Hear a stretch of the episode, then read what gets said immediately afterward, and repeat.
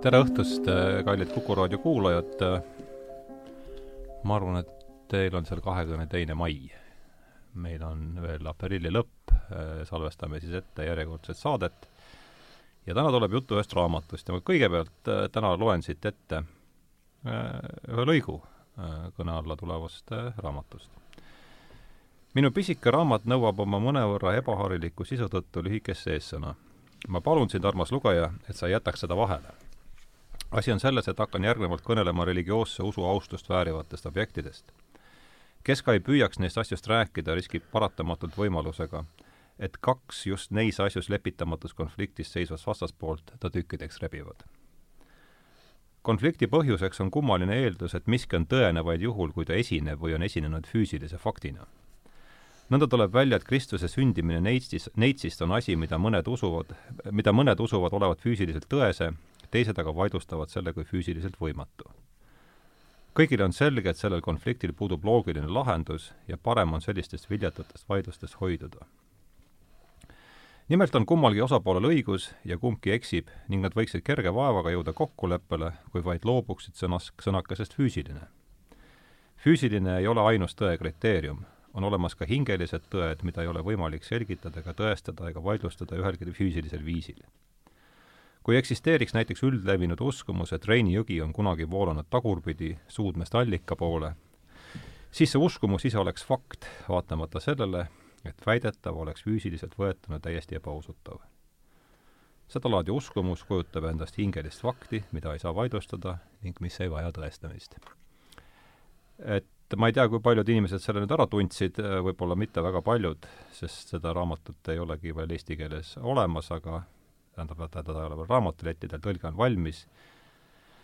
ja see raamat on siis Carl Gustav Jungi vastus Hiiobile, eh, mis ilmub Edmund Burke'i seltsi sarjas mai lõpus ja mul on hea meel siis äh, täna stuudios tervitada selle raamatu tõlkijat, tere tulemast, Kristiina Kivil!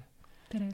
ja tere tulemast taas, Ivar Trööner, kolmandat korda äh, tähendas see Teie-Juhtide stuudios, alati rõõm sind siin äh,, siin näha et olge, ma tean, et Ivarile see üldse ei meeldi, see järgnev osa, aga katsume sellest kuidagi üle olla, et et tutvustage ennast paari sõnaga, et kes te, kes te, kes te olete, mida te teete lihtsalt, et äh, alustamegi et alustame Ivarist, et saaks selle halva osa üle. Noh, praegult olen ma vabakutseline tekstide uurija ja tekstide kokkukirjutaja, et mingit muud määratlust ma ei oska andagi endale sellest piisab täitsa. Kristiina, ole hea. nii, mina olen siis selles saates ikkagi selle raamatu tõlkija. just. ja olen õppinud kunagi ammu teoloogiat, aga sellest on tegelikult nii palju aega möödas, et ma seda tiitlit endale ei tahaks. millele, kas sa keskendusid oma teoloogiaõpingutes ka millelegi või? ma olen tagantjärele mõelnud, et võib-olla ei olnud juhus, et ma kirjutasin oma bakalaureuse töö religioonide vahelisest dialoogist no et tookord tundus see juhuslik valik, otsus erinevate asjaolude tõttu, aga praegu tagantjärele küllaltki tähenduslik. no nii, minul oli hea kavatsus see raamat enne saatesse tulekut läbi lugeda ja ma noh, tegin pool, pool rehkendust jõudsin valmis, et ma olen poole peal ja mulle no tõesti oli huvitav, ei ole lihtne lugemine ja, ja ja osadele inimestele ta selgelt ei, ei istu, see pole, selles pole ka mingit kahtlust, aga, aga mul oli huvitav. ja alustame sellest, et mis, millest siis üldse jutt käib? et noh, kõigepealt suured tunnustussõnad tõlkijale, kes niivõrd keeruka Jungi loome, hilisloomeperioodi teksti eesti keelde vahendas. tegu on tõesti väga keeruka tekstiga, sest tegu ei ole Jungi uurimuste seisukoha pealt mitte just kõige terviklikuma tekstiga, vaid tegu on nägemusliku narratiiviga, kus Jung siis esitab ühe küsimuse Hiobi kohta, mis on üks võib-olla kõige keerukamaid Vana Testamendi tekste, Hiobi raamat. aga sellest natuke hiljem, kuidas Hiobi raamatut üldse mõtestada, et saada aru Jungist. Jungil on äh, väga selge narratiiv, kõigepealt ta tõesti oma raamatu esimeses pooles püstitab eesmärgi saada aru Hiobi rollist ja inimese ja Jumala suhtest. teiseks esitab ka ta sellest teosest väite, et Jumala inimese suhe on pildiline ja energeetiline ja mida tuleb muidugi lugejale öelda, et see raamat ei lahenda ära seda probleemi, mida Hiobi raamatu uurijad on aastasadu teinud, see niinimetatud teodiike küsimus. kust tuleb kuri, kas kuri on õiglane, kuidas mõtestada kurja ainumonoteismi kontekstis ja nõnda edasi. et Jungi tekstid, eriti elu viimase perioodi tekstid, ka käesolev raamat Küsimus Hiiobist, on religioonilooliste, tema religioonilooliste tekstikorpuse osa ja need on niinimetatud esoteerilised tekstid. et me näeme, kuidas Jung kuhjab selles teos erinevaid nägemuslikke pilte. ja seal ta, ka selles Hiobi raamatus tegeleb ta niinimetatud äh, oma teoloogiaga, milleks siis on eelkõige siis Maarja neitsist ülestõusmise püha, mida ta väga tähtsaks peab, ja teine telg on see, mida ta tegelikult laenab Freudilt, lahendada ära Jumala inimese küsimus, mida Freud, millega Freud tegeles oma kuulsas teoses Mooses ja monoteism. aga lugeja jaoks on see loomulikult keeruline raamat, see nõuab natuke eelteadmisi Hiobi raamatust ja üldse Vanast Testamendist. ma tahaks öelda seda, et pühakirja tuleb lugeda nii, nagu äh, pühakud on öelnud, üks keskaegne pühak on öelnud ilusa mõtte pühakirja kohta, et pühakiri on kalliskivi, mis on igast küljest ilus. Hmm.. et ka seda teksti, Jungi teksti tuleb vaadata tervikuna tema loomingus, see, mida ta vaatleb seal, mida ta uurib, aga aga eelkõige olen ma muidugi väga rõõmus, et midagi jälle Jungilt on eesti keeles laua peal, sest Jungi valik on väga eklektiline, seda nii tõlke, tõlke osas kui ka toimetamistraditsiooni osas. Ja see on siis ka esimene Jungi religioonilooline tekst eesti keeles. Ja on hea, et see on just alguse saanud sellest nõudlikumast tekstist. jaa ma arvan tõesti, et seda raamatut kätte võttes võib esialgu tekkida väga vastakaid tundeid ja eks see Jung ise ka tegelikult nagu hoiatab ette, et, et see raamat tekitab inimeses konflikti ja, ja mida rohkem ma seda lugesin, seda rohkem ma lõpuks hakkasin mõtlema, et kas see võib olla ka üks noh, eesmärk isegi, et panna inimene vastakuti ütleme, sellise jumala pildiga, mis on tegelikult talle võib-olla ootamatu. et ta selle kaudu ka midagi võiks teadvustada, võib-olla see on juba nagu liiga kaugele minev interpretatsioon, aga kui ma korraks tulen selle Teodike küsimuse juurde, siis lihtsalt täna hommikul, kui ma lugesin neid ka paari rida, mis te saatsite, siis, siis ma korraga mõtlesin, et et Jung räägib suhteliselt vähe inimese vabadusest, mida sageli minu meelest, kui ma õigesti nüüd mäletan, mille abil püütakse ka seda teodiike probleemi nagu lahendada, et Jung paneb justkui rohkem vastutust Jumalale ja mitte nii palju inimesele mm. -hmm. ja, ja ta ja. räägib, ta ei räägi väga palju vabadusest, ehkki ühes kohas ma mäletan, ta ütleb seda, et inimese vabadus on võrdeline tegelikult sellega, kui palju ta on teadvustanud, et tema selle teadvustatuse tase on võrdeline tema vabaduse määraga. ja, ja ta ütleb, et on suur vahe, kas inimene elab oma elu nii, et ta teadvustab seda protsessi, mis toimub, või, või mitte. et eh, noh, selle teodiike juurde me jõuame, aga tõesti Jungi jumala kontseptsioon teatud mõttes äh, Jung on äh, leppimatu selle ebaõigluse osas, et miks kõikvõimas Jumal, kellel on võimalus ja atribuudid olla täielikult teadvel selle üle, mida ta teeb, sest maailm ja inimene on Jumala looming ja, ja Jung on teatud mõttes selles raamatus ikkagi üsna hämmingus ja pettunud selles suhtes, millises suhtes on Hiob Jumalaga. ja see raamat on tegelikult äh, Jungi raamat on ju tegelikult teatud hämming ja, ja võimetus mõtestada päris lahti seda niivõrd ebavõrdset suhet, nagu on loojal looduga. ja mulle näib, et seda Hiobi rolli, ta vaatab muidugi väga ühekülgselt, sest Hiob ei ole Hiobi raamatu uurijate ja tekstoloogiliste, kui natuke tekstoloogilisi kihti vaadata, mitte ainult kannataja, vaid Hiobi kuju tuleb juba esimese sajandi kristlike mõtlejate tekstides välja eelkõige kui õigluse nõudja. Mm.. ja see telg on noh, psühhoanalüütilises traditsioonis mõtestataksegi kannatus eelkõige, eelkõige sellesama teadvustamatuse astme kaudu, aga teiseks ka selleks, kui dialoogipartner ei ole võima, võimeline läbi elama kannatatava tundeid, sest kogu jungiaanliku psühhoteraapia või dialoogiprotsess toimibki see, et toimub samastumine et ma saan elada läbi emotsioone teise inimese kannatust siis, kui ma täielikult samastan ennast selle kannatajaga. ja see raamat on selles mõttes jah, see on väga krüptiline tekst, et me näeme, kuidas Jungil mõtteliinid, et kui ta jääb hätta, võtta seal Hiobi probleemi mõtestamisel, siis ta pakub välja hoopis selliseid näiteks pilti ilmutusraamatust ja et talle jääb ikkagi niivõrd mõistetamatuks see suur suhe, mis on inimese ja Jumala suhe ja ega psühhoanalüütilises traditsioonis ei ole Jumal just kõige paremini portreteeritud tegelane et kui te, kui te mõtlete kas või Sigmund Freudi käsitlust eh, Jumalast või spirituaalsetes jõudes, siis see on niinimetatud uus uus ateistlikkus, tõesti need inimesed, kes pöörduvad Jumala poole, palve poole, prioritseerivad iseenda kurja ülesse ja nad tegelevad toimetulekumehhanismidega, selliste mittevajalike toimetulekumehhanismidega. aga Jungi jaoks muidugi Jumal kui spirituaalne suurus selles tekstis püsib, aga me võime seda nimetada tõesti teatud intellektuaalseks hämmastuseks, mida ta tegelikult selles tekstis lahti ei murra.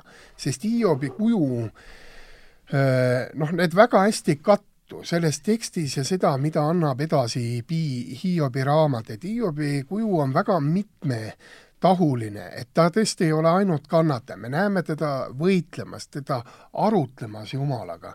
me ei tohi unustada seda, et Hiob on üks vähestest Vana Testamendi ja üldse pühakirja traditsioonist tegelastest, kellega Jumal suhtleb otse. ja selle tõttu on ta ka äh, ja see, ja selle Hiobi raamatu üks mõte ongi näidata seda, ainuüksi see, et Jumal suhtleb inimesega, on see tohutult suur väärtus, väga oluline väärtus. ja, ja mulle näib, et see noh, Jung pigem, pigem ka võitleb teatud sellise protestantliku ma-, jumalapildi vastu selles Hiobi raamatus, mis on väga mehekeskne, mis eitab naise al-, algenergiate olemasolu, et selle raamatu Hiobi küsimus Hiobi lõpus, ta nagu jõuabki selleni, et just seesama Maarja, et see Vana Testament on väga meestekeskne, Vana Testamendi Jumal on väga meestekeskne. ja, ja sellega ta tegeleb nii selles tekst-, tekstis kui oma teistes tekstides. nii, aga ma arvan, et võib-olla algussõnadeks on hea küll, et räägiks, noh, me ei pruugi ju, eks siin kuulajate vastuvõtutase on täiesti erinev, et hakkaks sellest pihta, et mis laadi raamat kõigepealt äh, on üldse Hiobi raamat? milli-, mis on tema koht piiblis, mis on need, mis on see, see teodiike probleem muidugi käis siit juba läbi, et et võib-olla järgneva poole tunni vältel siis esimese kolmandiku räägime lihtsalt Hiobi raamatust, et et millal kirjutatud, mis on tema koht selles äh, kaanonis ja, ja nii edasi, hakkame, Kristiine ma pigem olen ise niivõrd Jungi äh, nägemuse sees, et äh, võib-olla selline objektiivsem pilk Hiobi raamatule oleks noh, ma pean kohe ütlema, et ma ei ole Vana Testamendi eksegeet, et ka minu Hiobi raamatu äh, Äh, äh, uurimused on puhtalt lihtsalt tavalugeja tasemel, aga nii palju, kui ma suutsin kahe nädala jooksul lugeda tekste, mis käsitlevad seda üsna keerukat äh, teksti, siis tõesti Hiobi raamat on Vana-testamendi osa, kuulub niinimetatud tarkuseraamatute rühma, kuhu siis kuulub Jeesus Siiraki raamat, õpetussõnad, kogujate raamat. me näeme sarnast liini Hiobi ja koguja raamatul üsna olulises vahes ja teiseks on see raamat, mis äh, näitab äh, kõigepealt Jumala monoteismi probleemi, et Jumal on ainus ja kurja probleem tuleb ka sellest samast teoloogiast. ja tänaseks on võimalik tõesti rääkida, et Hiobi raamatutes on kümneid kihistusi, seal on proosatekste, luuletekste, seal on väga väikseid tekstikatkendikke, eelkõige tuleb tähele panna ka tõlketraditsiooni, sest eesti keeles on äh, Hiobi raamatud minu loendamise järgi umbes seitsmel korral tõlgitud, viimati on eraldi raamatuna ilmunud Tartu Ülikooli äh, õppejõu Urmas Nõmmiku raamat, Hiobi raamat, mis on siis teksti filoloogiline tõlge, millel ei ole nii poeetilist äh, tekstilausestust, kui näiteks on Uku Masingu tõlkel, see Eesti suures piiblis, mida Uku Masing äh, redigeeris.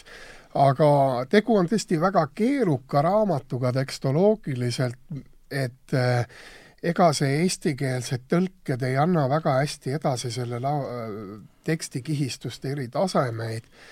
Ja, ja Hiobi raamatu puhul ongi ju küsimus selles, et kuna seal stiililiselt see tekst vaheldub ja me näeme seal nii dialoogi kui monoloogi, tekstiosad, see, et ta on viis kuni kuus sajandit ennem Kristust kirjutatud, aga seda võib küll öelda, et see on tõesti üks kõige olulisemaid tekste nii esimese sajandi kirikuisadele, kolmanda sajandi kiriku patristikas, sest see tegeleb, see on võib-olla kõige filosoofilisemaid tekste Vanas Testamendis üldse, ja teiseks on ta ka ikkagi väga selge, sest ilma Hiobi raamatu mõtestamiseta ei ole võimalik aru saada Uue Testamendi suurest tähtsusest.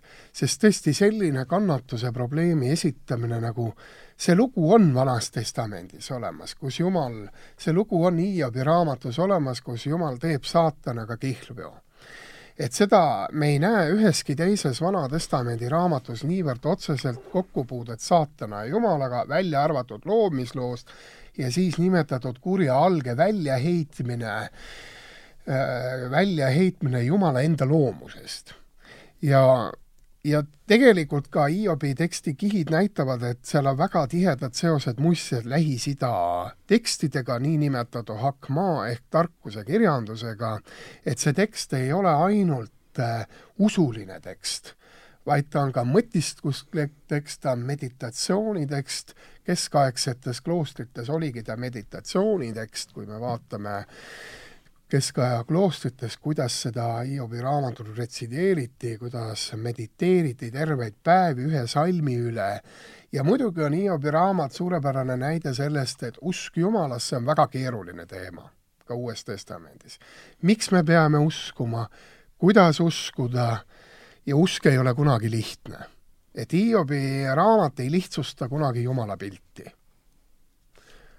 aga laseme mm -hmm. Kristin ka, mina küll. Äh, see on väga huvitav. Äh, Jung ise ütleb ka selles samas raamatus, et tegelikult tema ei lähenegi sellele tekstile kui eksegi, et selles mõttes ma olen ise mõelnud, et kas siin on natuke sellist äh, mässu noh, isa vastu ka, nagu ikka, kes oli, eks ole, protestantlik pastor ja, ja kes oli eh, oma doktoritöö kirjutanud just ülemlaulust, mis ma siit mm -hmm. kuulsin, et selles mõttes tema käsitlus, nüüd tema vaade sellele raamatule on midagi hoopis muud, hoopis teise nurga alt. ja ta ütleb, et ta kirjutab selle raamatu kui nagu kaasaja moodne inimene, kes lihtsalt ilma igasuguste eelteadmisteta seda Hiobi raamatut Vanast Testamendist loeb ja missugust mõju see võib talle avaldada ja ta siis peamiselt seda mõju justkui analüüsib ka selles raamatus. aga mis on väga-väga huvitav, minu meelest just haakub sellega, mis, mis sa ütlesid, et et tegelikult Jung toob ise ka esile selle Hiobi kuju olulisuse, et, et Hiob jõudis mingi erilise Jumala tunnetuseni, nagu sa ütlesid, et Jumal kõneles Hiobiga isiklikult. et ta oli üks nagu nendest vähestest või kuidagi erilisel viisil ja Jung rõhutab seda. Ja, ja ta toob ise välja ka selle seose e, isegi sellisel viisil, et Kristuse kannatuse ja surma põhjust võib otsida sellest, mis juhtus Hiobiga. Jah, et see Jungi raamat on tegelikult ju väga selline spirituaalseid pilte täis, et ta Hiobi lugu vaatleb tegelikult väga erinevate eh, piibli tes-, eh, tsitaatide abil, et kui me seda sinu tõlgitud raamatut loeme, siis me näeme peaaegu et see on Jungi tekst, milles on kõige rohkem viidatud äh, pühakirja. aga Hiobi raamat on ka ise pildiline tekst. me näeme mm, -hmm. et Hiobi raamat on just ehitatud üles tekstoloogiliselt piltidena, metafooridena, kusjuures kasutatakse väga lühikesi võrdpilte, mis teeb ta väga sarnaseks Uue Testamendi Jeesuse mõistulugudega. ja, ja, ja selles mõttes see raamat ongi näide, et kuidas Jumal, kuidas Jung mõtestab Jumalat, et esiteks ta klaarib tõesti selles raamatus eriti seda raamatu lõppu lugedes neid samu oma armsaid teemasid, seesama mehekeskne jumalapilt, protestantlik ju, et ta ise sünteesis, et tema jumalapilt ei ole teoloogiline, et kõigepealt tuleb rõhutada Jungi puhul, et see ei ole teoloogiline. et Jung ei ole hea teoloog, kuna ta ei tunne alttekste väga hästi, ta oli küll amatöörtõlk, et teda huvitasid suured pildid, mida ta saab kätte suurtest maailma religioonitekstidest, et hiljem äh, ta ju tegeles seal Hiina tekstidega ja ja näiteks ka Hiobi raamatule ennem on tal üks põhjalik tekst trinitoloogia probleemist ehk selle Jumala kolmainsuse probleem. kus, mis raamat see on, see on huvitav? see on siinsamas, palun väga. sellesama küsimus kolmainsusest. aga ma räägin sellest mm trinitoloogiast, sellest see ei saa Jungi teooriast kuidagi üle ümber. et kui me vaatame kolmainsuse kontseptsiooni, siis on see väga raskesti pühakirjast leitav esiteks, äh, monoteismis ei saa kunagi äh, olla, kui me räägime ainujumalast, Jumala kolm hüpotaasi täpselt sama tähenduslikult ja Jung vaatles just seda trinitoloogia probleemi, et see on väga mehekeskne, et püha vaim on meheliku algega, Jumal ise on meheliku algega, Kristus ise on Jumal, meheliku algega. Ja ta liigub sealt eh, just üle, et Jungi eesmärk ongi ehi-, tuua erinevaid religioosseid pilte, tõestades neid eh, Uue ja Vana Testamendi tsitaatidega et sellesama Hiobi raamatu puhul me näeme seda osade üsna ebaühtsust, et kui te tõlkijana et ikkagi väga raske on tal tee-, püsida teemas, selle Hiobi teemas, et kes on lugenud ikkagi Hiobi tekste ja tekstikriitilisi väljaandeid, saab muidugi aru, et Jungi eesmärk ei olnudki tegeleda, kuigi see küsimus kurjast on ju ka tema loomingus keskne, et kust kuri tuleb ja vot selles tekstis ma ei kohanud väga seda käsitlust, et Jung on hiljem oma varasemates tekstides, et kuri tähendab ka eelkõige kaost mm. -hmm. et ta ei tähenda tegu. et selles konkreetses äh, Jungi tekstis on ta mõtestatud eelkõige ja kuri võib tähendada ka seda, et inimene on Jumalast lahus et tihti me unustame, vaatame seda kurja või teodiike probleemi ainult mingisuguste tegude ahelana ja muidugi ka Jung ja Hiobi raamatu uurijad toovad välja selle, et miks Hiobi raamatut lugejates, lugedes tekib see pilt, et karistused ja pahateod ei ole omavahel proportsioonis. et Hiobi raamatut lugedes me näeme, et inimesele osaks saav häda on alati suurem kui see, kui see põhjus, mille pärast ta selle häda oma kaela saab. et see teatava, noh, Jungi puhul just seesama Jumala suuruse mõtestamine ja, ja kuna psühhoanalüüsis ikkagi püütakse Jumalat vaadelda kui ideede ja energiakompleksina, siis noh, siis see võib tekitada probleeme, et kas tõesti Hiobi raamatus ei ole inimene ja Jumal võrdne, see, see ei ole isegi Uues Testament ei paku sellist pilti, et inimene ja Jumal saaks kunagi võrdseks.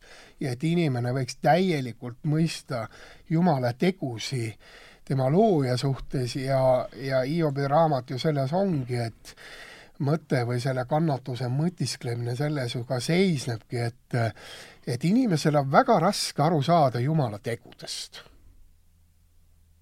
sest need on nii suure, need on niivõrd erinevad suurused mm. -hmm.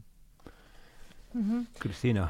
mul haakus praegu siin hoopis Hart, keda ma võib-olla siis saan hakata tulevikus tõlkima, kes David Bentley Hart siis äh,, raamatu nimi on Experience of God, Jumala yeah. äh, kogemus. Mm -hmm. kus ta ja ütles, et mis on meil siis tõlkeplaanis. plaanis, jah ta, kus ta ütles, et me, me ei saa kujutleda, me ei tohiks kujutleda Jumalat kui sellist psühholoogilist subjektiivsust ehk et me ei projitseeriks seda inimpsühholoogiat Jumalale, aga mingis mõttes Jung just seda teeb. jah, jah. Hart ütleb, et me ei peaks seda et tegema. me ei peaks seda tegema, et mhm. Jumal, kui me räägime Jumalast kui isikust, isegi kui me räägime kolmainu isikutest, see oli ühes intervjuus, ma sealt videost nägin lihtsalt. aa, see oli Hartiga, jah? jah mm. -hmm kus ta ütleb, et kui me räägime kolmainu isikutest, siis me siiski ei tohiks nagu unustada, et see isik seal tähendab midagi muud kui see inimese subjektiivne psühholoogia. aga, aga Jung muidugi teeb siin seda kindlasti taotluslikult, sellepärast et ta ütleb, et terve Vana Testament on täis väga antropomorfistlikke pilte Jumalast ja, ja see ei ole sugugi nagu ilmaasjata, et nendel on väga suur vägi, nendel piltidel, kui me Jumalast niimoodi mõtleme.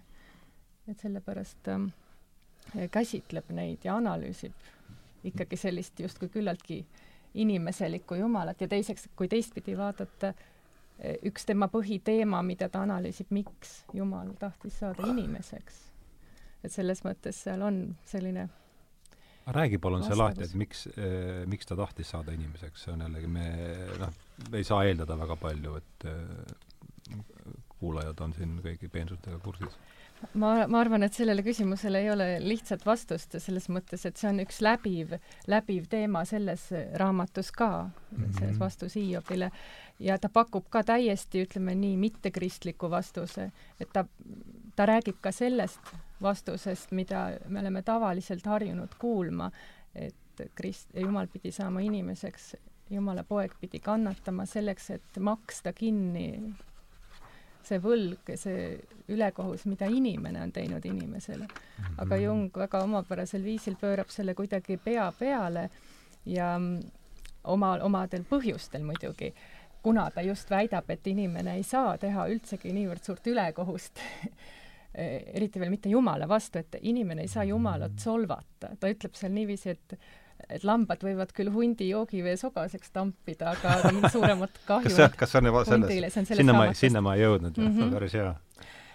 et selles mõttes justkui jah, inimene on nii väike ja tühine, et, et mingisugust ebaõiglust tema Jumalale nagu teha ei saa. aga Jungi sõnul vastupidi, selle Hiobi loo põhjal justkui võiks väita, kohta. et noh, Jung selles mõttes ei ole kristlik traditsioonilises mõttes, et ta mm -hmm. väidab, et Jumal, Jumalas on nii ebaõiglus kui õiglus, et Jumalas on see vastandite ühtsus. just see mulle ka kõrva, et see noh, jah, et Jung tõesti ei esita ortodokset kristlikku maailmapilti, et ta ise sünteesis üsna palju interpretatsioone juurde aga ta on kasutanud oma sellises äh, vaates Rudolf Otto käsitlust pühast mm. -hmm. ja kui me mõtleme Rudolf Otto kuulsale teosele Das Heilige ehk püha, mis tegeleb ka selle probleemiga, et kuidas üldse inimene kohtub Jumalaga, et, et äh, Otto andmetel ongi üks selline kohtumine lihtsalt selline värisemine, et tema loodu, Jumala loodu, kohtudes Jumalaga, värisebki Jumala ees, et, et Jung on selles mõttes jah, et tema vaade sellele just seesama inimese küsimus, et miks Hiiop pidi kannatama äh, miks Hiiop pidi kannatama, kui Jumal on ise niivõrd võimas ja etteteadlik? et miks ta loob olendi, kellele ta ise põhjustab kannatuse, seesama mõistetamatus.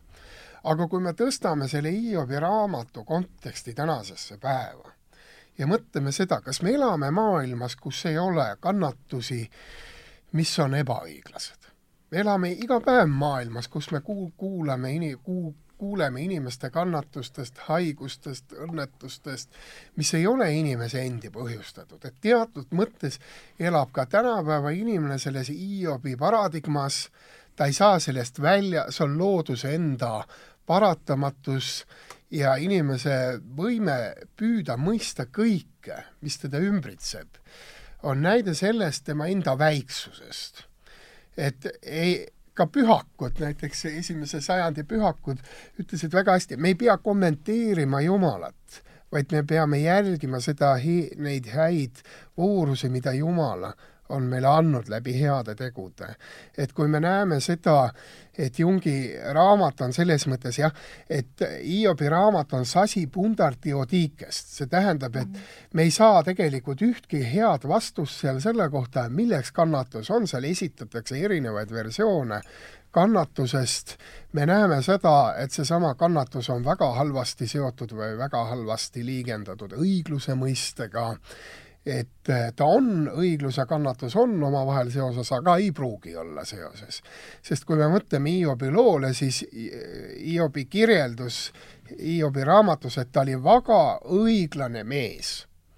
ja teatavasti meil on väga raske uskuda, et inimesed, kes on õiglased ja vagad, ehk siis tähendab teises tõlkes jumala kartlikud, et miks just nemad peavad sattuma niivõrd ränkade kannatuste ohvriks, et kui me loeme ikkagi Hiobi kannatusi, siis ka tema lapsed surmatakse.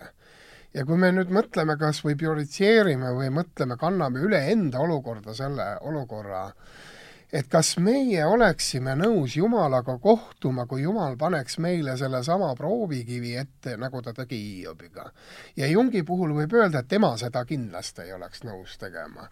et see tundub talle see tundub talle selles mõttes täiesti mõistetamatu raamatuna, et kui me vaatame, kuidas Jung käsitleb näiteks ilmutusraamatut, kus ilmutusraamat on ka pildikeeleline raamat, kus Paulus räägib äh, sellistest piltidest, et tulevikus pühib Jumal ära kannatajate pisarad, te elate taevariigis, et selline teatud lootuse hessatoloogia ja, ja ma veel kord ütlen, et Jung ei ole väga hea teoloog ja selles äh, raamatus küsimusi Hiobist tulebki välja, et ta muutub väga krüptiliseks või väga eklektiliseks just selle tõttu, et see lugu, Hiobi lugu, ei jõua nagu tervikuna tema mõistmisvälja mm. -hmm. ja, ja, ja, ja selles mõttes ega see ei jõua ka igale lugejale, see ei jõua näiteks ka mulle, sest see lugu on tõesti see, kus me saame aru mingitest Jumala teedes, mis jäävad meile mõistetamatuks. ja, ja selles mõttes Äh, vaat seesama, et Jungi jaoks, et seesama, et religioon on eelkõige needsamad inimeste enda loodud pildid ja seesama teadvuse küsimus, et kui palju religioossed kujutlemad ja religioossed uskumused on seotud meie teadvustamatusega, kas täielikult teadvuses või täielikult oma mina ja iseosad autentseks elanud inimene, kas ta vajab väga suurt välist äh, jõudu või sellesse uskumist et äh, ja siin on veel üks võib-olla huvitav mõte, mis haakub. Jung ise ka natukene tegeleb, tegeleb seal sellesama küsimusega, et kas see, mis on psüühikas, näiteks arhetüübidki, millest ta räägib, ta ütleb, et tema jaoks see ongi tegelik. et kui temalt küsitakse, et kas sa usud Jumalasse, siis tegelikult noh, see, mis psüühikas toimub, ongi tegelik. no sellest ta ütles ka kohe seal, eks ole, selles samas alguses, mis ma tsiteerisin, jah, et see on ja. samamoodi tegelikkus nagu see füüsiline ja. tegelikkus. jaa, ja samas ta ütleb ka seda, et ta ei arva ealeski, et tema need arutluskäigud võiksid puudutada seda, mis on sõnades väljendamatu. et ta kuidagi nagu öö, ühelt poolt tunnistab nende jumala piltide või mõistete või kõikide nende kujutluste nagu väge ja ka reaalset mõju inimesele, aga teiselt poolt ka nende piiratust, et ta, ta ütleb ka toreda paralleeli toob, et ta ei, ta ei arvagi, et tema need arutluskäigud võiksid olla midagi enamat kui, kui kunagise inimese väide, et tema kaitsejumalus on madu. just, jah, see mulle jäi ka meelde, jah mm. -hmm. ja ma lihtsalt võib-olla ma ühe asja ütleksin, et, et ta tõesti seostab selle Hiobi looga nii kõikvõimalikke erinevaid teemasid ja väga mm -hmm. omapärasel ja ootamatul viisil, et ma vist ei jõudnud seda mõtet enne lõpetada, et sa küsisid, et mida siis nagu tähendab tema jaoks Jumala inimeseks saamine või mis põhjusel, siis tema nüüd ühe põhjusena ütlebki, et selleks, et heastada hoopis see ebaõiglus, mida Hiop pidi kannatama, ehk siis hoopis heastada see ebaõiglus, mida inimene eh, Jumala käes justkui peab kogema ja taluma mm.. et selleks nüüd andis Jumal ennast inimeste kätte mm. -hmm. mul oli lihtsalt siin ähm, see ei haakunud, aga see jättis mul päris sügava mulje, ma ei tea, kas te va-, juhtusite vaatama seda Petersoni ja Zizeki debatti, mis oli? väga huvitav ja seal Zizek ütleb äh, kusagil teise tunni alguses, võtab see jutuajamine väga huvitava pöörde ja ta ütleb seal seda, et ühel hetkel, see ei haaka, aga lihtsalt kuivõrd see on mulle jätnud, ta ei haaku otseselt selle praegu, aga see jättis mulle tõesti sügava mulje, et et ta tsiteerib kas järsku Chestertoni või? et sellel hetkel saab, kui ta seal ütleb, et mu isa, sa oled mu maha jätnud, et sel hetkel saab Jumal ise, muutub ateistiks. Mis oli väga huvitav pööre sellele, kogu sellele, ma ei ole kunagi sellist nagu lähenemist äh, kuulnud. aga võib-olla see haakub natukene sellega, mis mulle noh, mingil määral tundus, mingi, midagi pidi tõukama ka seda. no Jung ka võib-olla meelevaldselt väidab ühes kohas, ja ma korraks veel siia vahele ütlen selle, et see meelevaldne tõlgendamine, et tal on ka üks väga huvitav äh, lause, et ta vastab vägivallale vägivallaga, et ta ise ka tunnistab, et ta kuidagi vägivaldselt tõlgendab seda Hiobi raamatut mm, -hmm. kuna ta ütleb, et, et see tekitab sellise afekti ja ma ise mõtlesin, et et noh, ta, ta ütlebki, et ütleme, mis mulje võib teatud piibliraamatuid lugedes tekkida näiteks lapsel mm. -hmm. et kas mhm. seda võib tõlgendada ka mingisuguse sellise kuidas ma ütlen, et see otseselt nagu, see võib mõjuda lapsele võib-olla šokeerivalt, kui ta loeb lugu sellest, kuidas Jumal uputab suurem osa inimkonnast ja see võib tekitada temas võib-olla mingi vapustuse, et kas Jumal on selline mm. ja, ja nüüd ta võib-olla ütleb, et ta vastab nagu vägivallale vägivallaga. no see ongi see, mida ta ise nimetab jumaliku pimeduse pooleks, et jumalal on pime pool ja ja kuna Jung vaatab ka ikkagi piiblit eelkõige kui hingeseisundite väljundit, et pühakirja väited on eelkõige hingeväljundid, nagu ta ka selles teie tõlgitud teoses äh, välja, aga Jung muidugi vaatab ka hinge autonoomsena. aga seesama jumaliku pimeduse, et me tahaksime tõesti vaadata kristlikus traditsioonis Jumalat ainult kui head, kes peegeldab oma headust oma tegudega, aga Jumalal on ka alati pime pool ja me näeme seda Vanas Testamendis on ta lihtsalt reljeefsemalt esile toodud kui uue, uue, Uues Testamendis. et Vanas Testamendis me näeme Jumala kättemaksu tegusi rohkem kui Uues Testamendis. Uues Testamendis me näeme seda Jumala pimedat poolt lihtsalt selles, et Jumal on eemal inimestest. ja, ja selles mõttes äh, Jungi uurimine eeldab ikkagi üsna head pühakirja tundmist ja, ja ka ne, neid niinimetatud spirituaalsete tekstide tea, sest ta ikkagi opereerib nägemuslike piltidega, ka see teos uurimus Hiiobist on eelkõige nägemuslik et ta ei taotlegi mingit tekstoloogilist, sest ta saab aru, et ta kohtub seal hulga paradoksidega, mida ta intellektuaalselt ei lahenda, mida meie ka ei lahenda. kui meie hakkaksime homme Hiobi raamatust raamatut kirjutama, me oleme täpselt samas seisus kui kõik need esimese sajandi eksegeedid, Jung ise, aga me näeme selles Hiobi raamatus suurt lugu, mis puudutab meid ja meie hinge.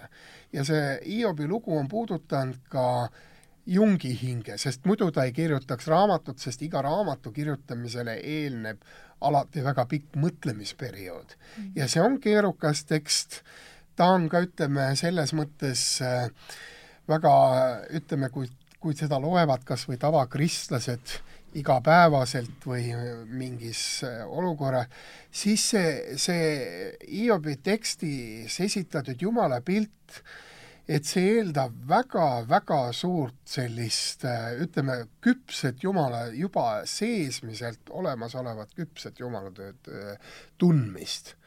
sest see ei ole esimene tekst, millega on mõtet piiblit alustada.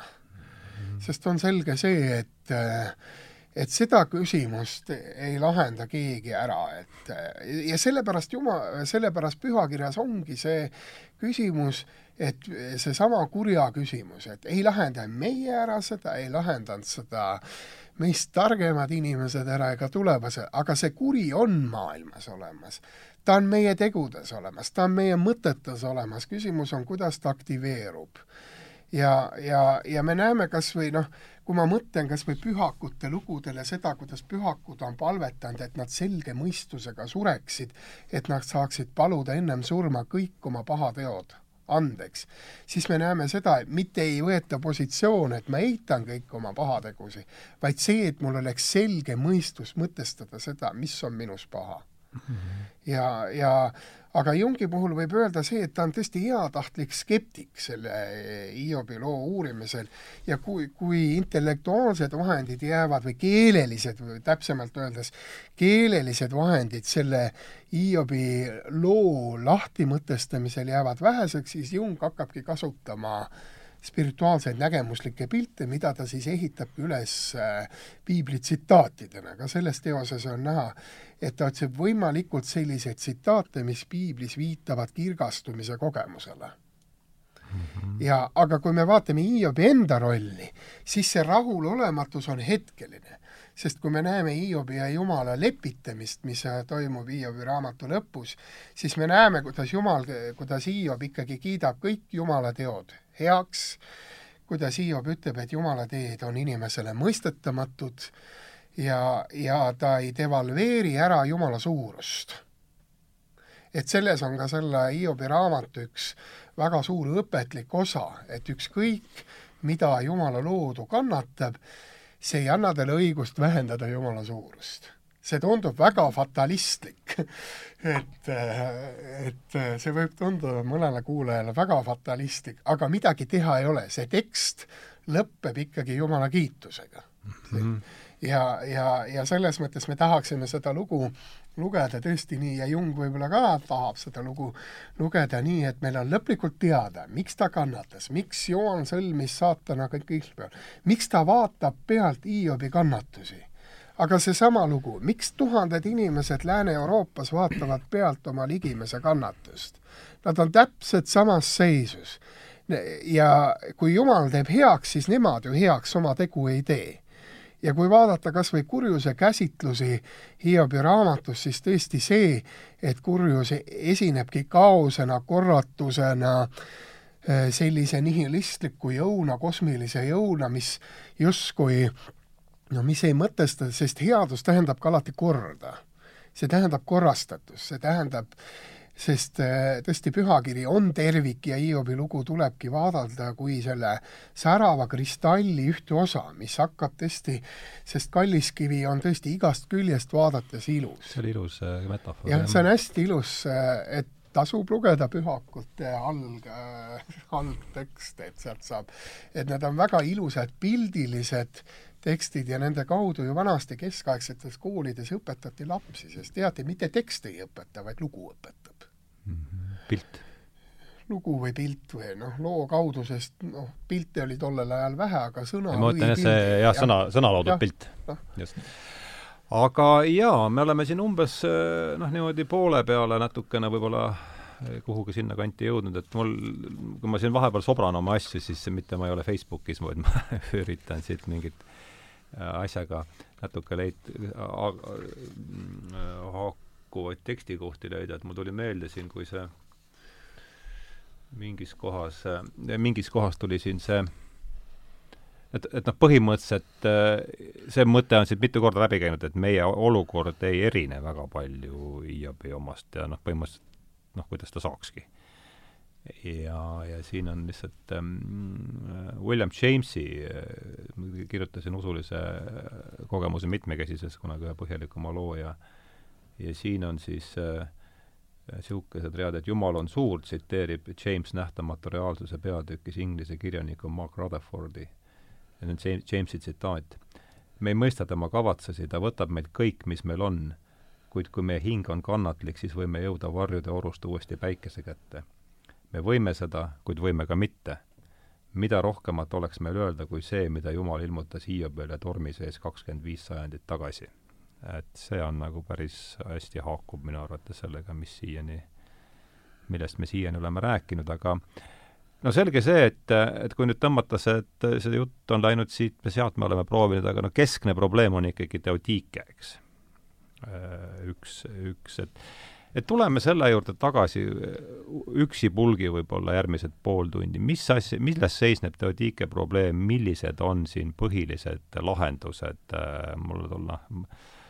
et mulle tundub, kui sa ütlesid siin, et Jung ei ole nagu ta ei ole selgelt kristlikel positsioonidel selles, et, et meil on nii palju, kui ma jõudsin lugeda, nii palju, kui ma teie jutust kuulsin, nagu mul hakkab see natuke manilusega siin see et, et kuri ja, kurjal ja, ja headusel on oma sarnane niisugune ontoloogiline staatus ja räägime natuke neid, noh, kujutan ette, et praegu kuulajatel see viimane lause võis osaliselt pisut nagu jääda õhku, et mida see tähendab, et hea ja kurja ontoloogiline staatus, et räägime selle temaatika järgneva poole tunni jooksul võib-olla lahti noh, kurja teema oleks eeldanud palju paremat ettevalmistust. jaa, ega see ongi, see ongi hea, et meil ei olnud seda ettevalmistust, et võtame niimoodi eksprompt selle asja.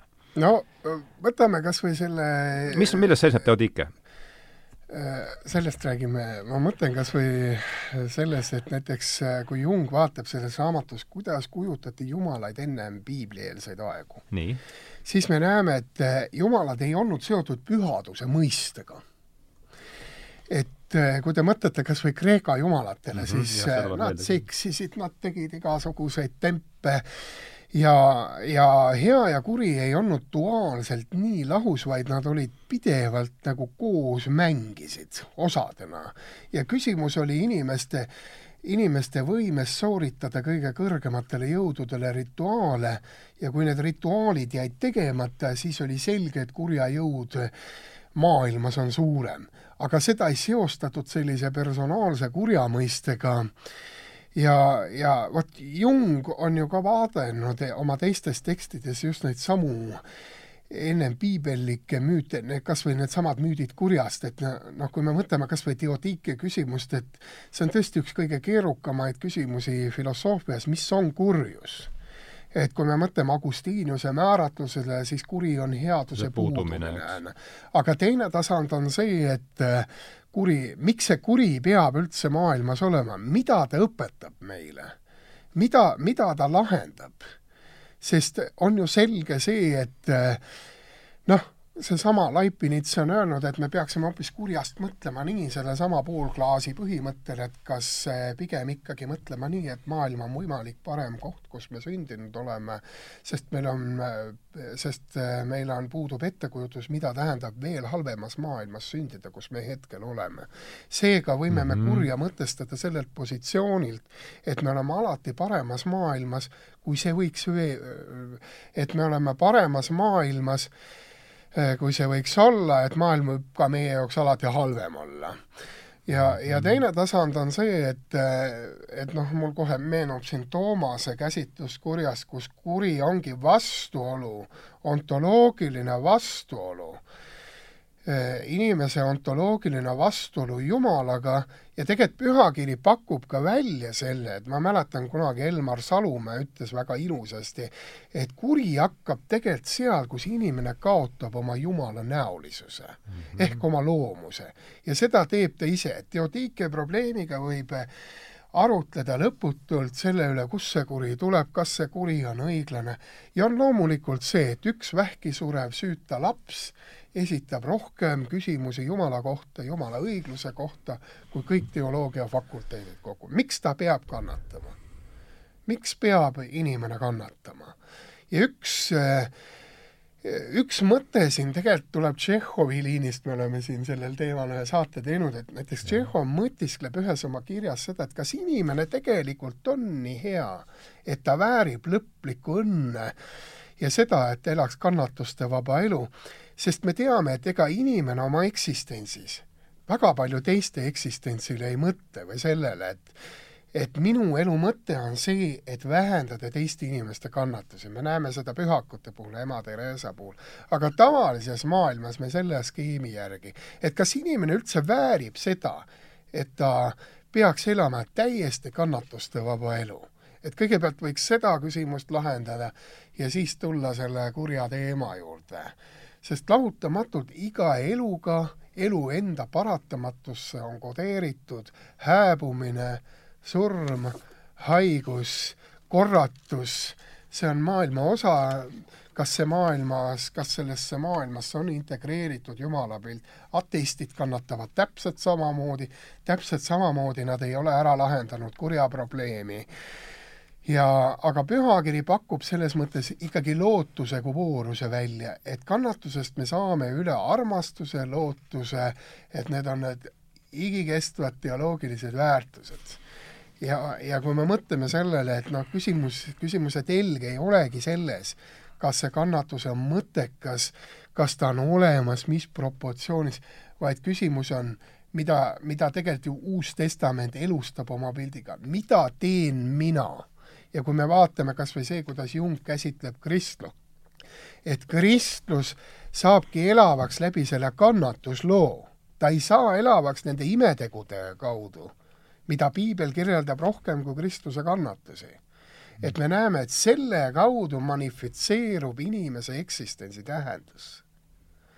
ja, ja Jung ju nägi ka, et kui ta on oma unenägusi analüüsinud, Kristusest just sellist äh, tohutut suurt energiakogumikku, kus ühenduvad kõik iseosad ideaalsed, kus tullakse toime kannatusega, kus tullakse toime üksindusega, eemalolekust Jumalast, et selles mõttes on Jungi huvitav lugeda, et olenemata sellest, et ta ei paku väga selget plaani, kuidas me intellektuaalselt murrame läbi sellest müürist, mis on kurjus ja mis on ebaõiglus, aga ta pakub alati selliseid väga spirituaalseid pilte ja tihti ja ka see lootus, et meil on lootus teisele maailmale või on olemas inimese kehaväline eksistents, mida ka ju Jung uskus, kuigi tema käsitlus sellest, et äh, ei olnud selline, nagu kristlik äh, traditsioon käsitleb surma, vaid tema käsitlus oli tõesti see, et inimene sünnib ümber pidevalt uute hingepiltidena,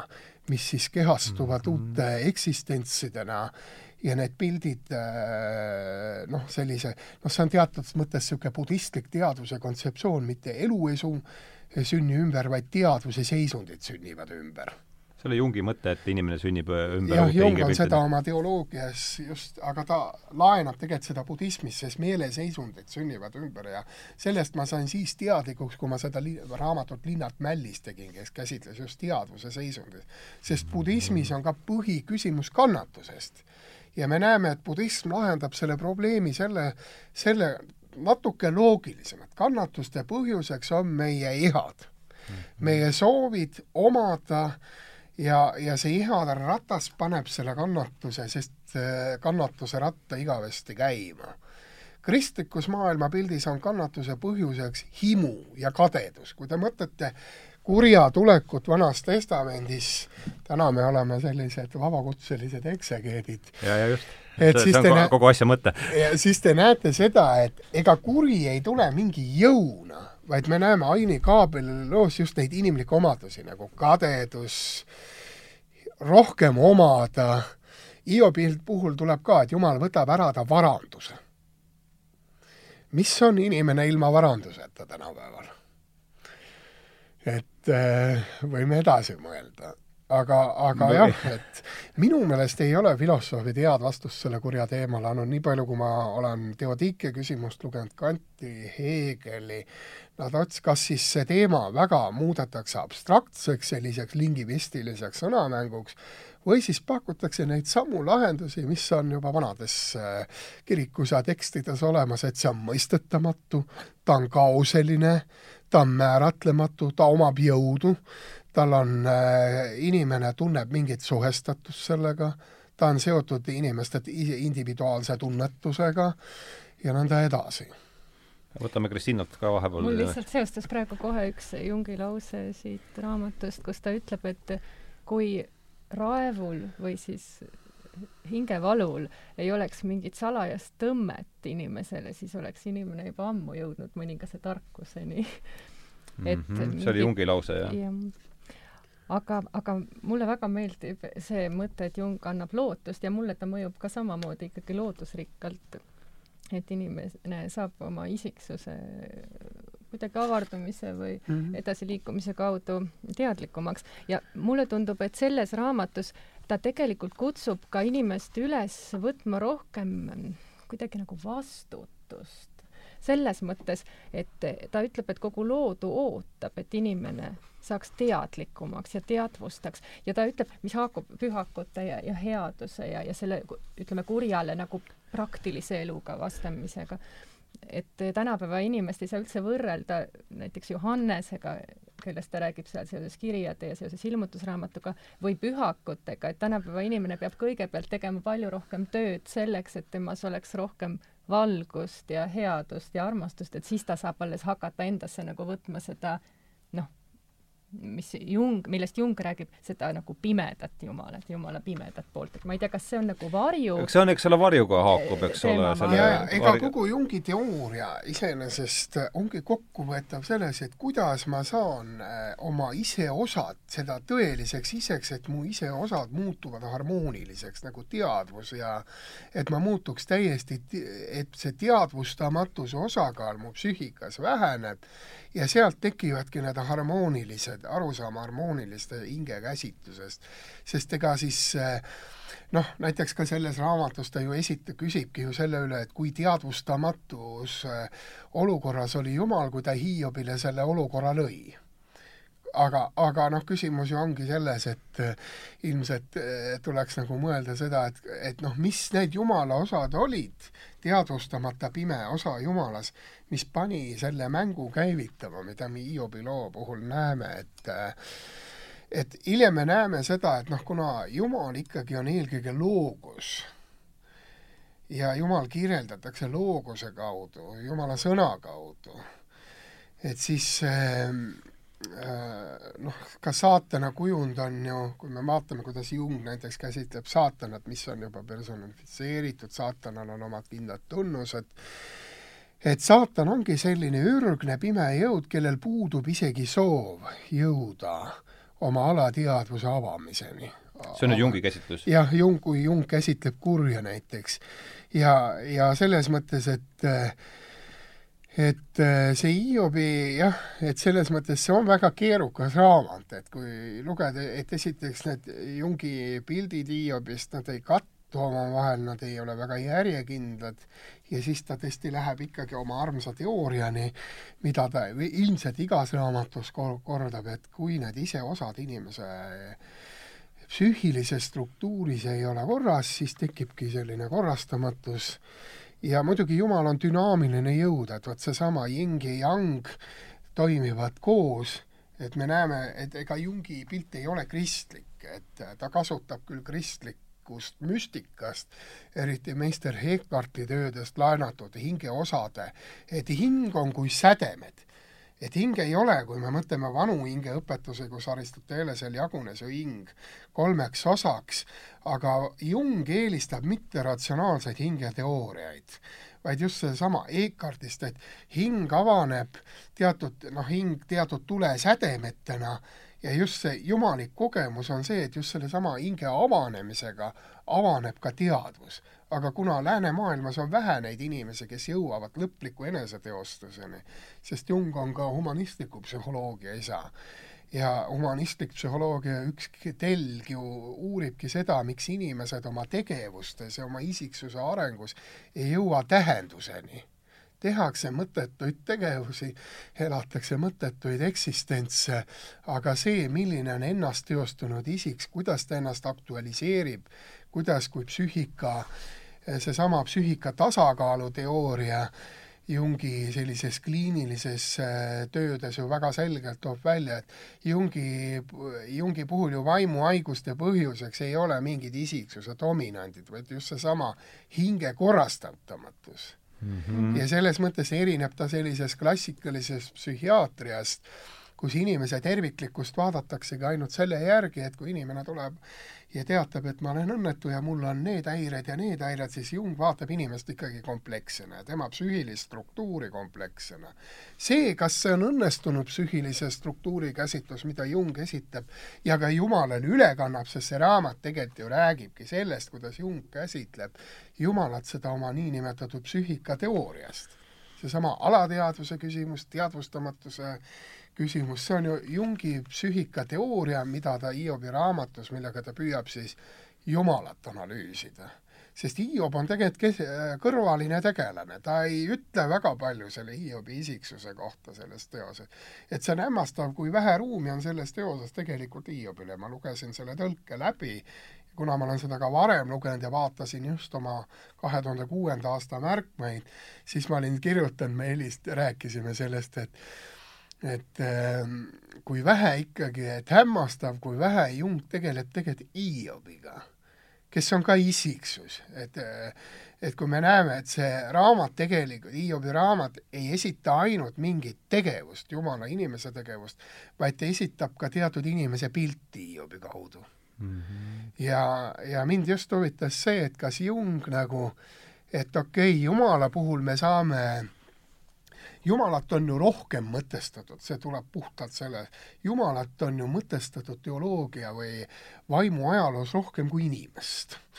et tihti me mõtleme, et inimene on kõige mõõt, et rohkem on tekste kirjutatud Jumalast kui inimesest, sest inimene on alati ebapüha, ebatäiuslik ja tema peale väga palju auru pole mõtet kulutada, et et nii et ma lasen Kristiinal ka rääkida,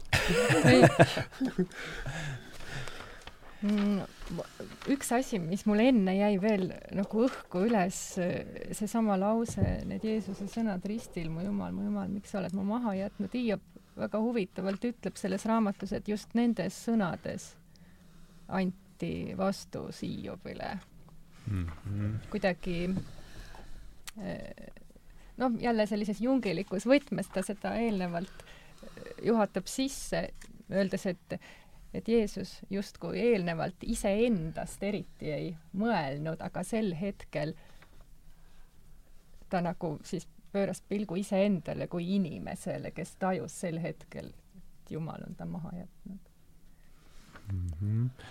aga on sul veel mingi kommentaar või ma tahaks sulle, sinu käest küsida ühte asja? jah, palun et no nagu ma ütlesin, ma jõudsin poole peale selle mm, raamatuga, mis tundus mulle paeluv ja huvitav ja mis haakub natuke sellega, et kogu see Vana-testamendi jumala käsitlus on väga mehekeskne, eks. et see Sofia printsiip, äh, noh, veel kord mm -hmm. ma ei mhm. jõudnud äh, nii, ütleme, kirjalikult neid küsima, aga see tundus nagu huvitav, et kas sul on mingeid äh, või teil mõlemal, et ta toob seal üsna, kas teise-kolmanda peatüki alguses toob selle Mm -hmm. Sofia printsiibi siis, et võib-olla arutaks seda natuke, et ma ei suuda praegu küsimust täpselt formuleerida, aga lihtsalt paku, viskaks teema õhku, et see tundus huvitav mulle ma võin jah, hakka palun pihta sealt, jah. Kuna tõesti mitmel korral Jung siin raamatus palju kordi ütleb, et kõik oleks olnud teisiti, kui Jumal oleks pöördunud oma kõige teadmise poole, aga millegipärast ta seda ei teinud, siis Sofia, Sofia sissetulek või meenumine tegelikult ongi justkui selle kõige teadmise meenumine, ka selle jumaliku tarkuse meenumine, natuke seostub nagu sellega ja tal on seal ka huvitavaid ma vaatan, kas ma saan huvitavaid teooriaid mm.. ma pean ka korraks mõtlema.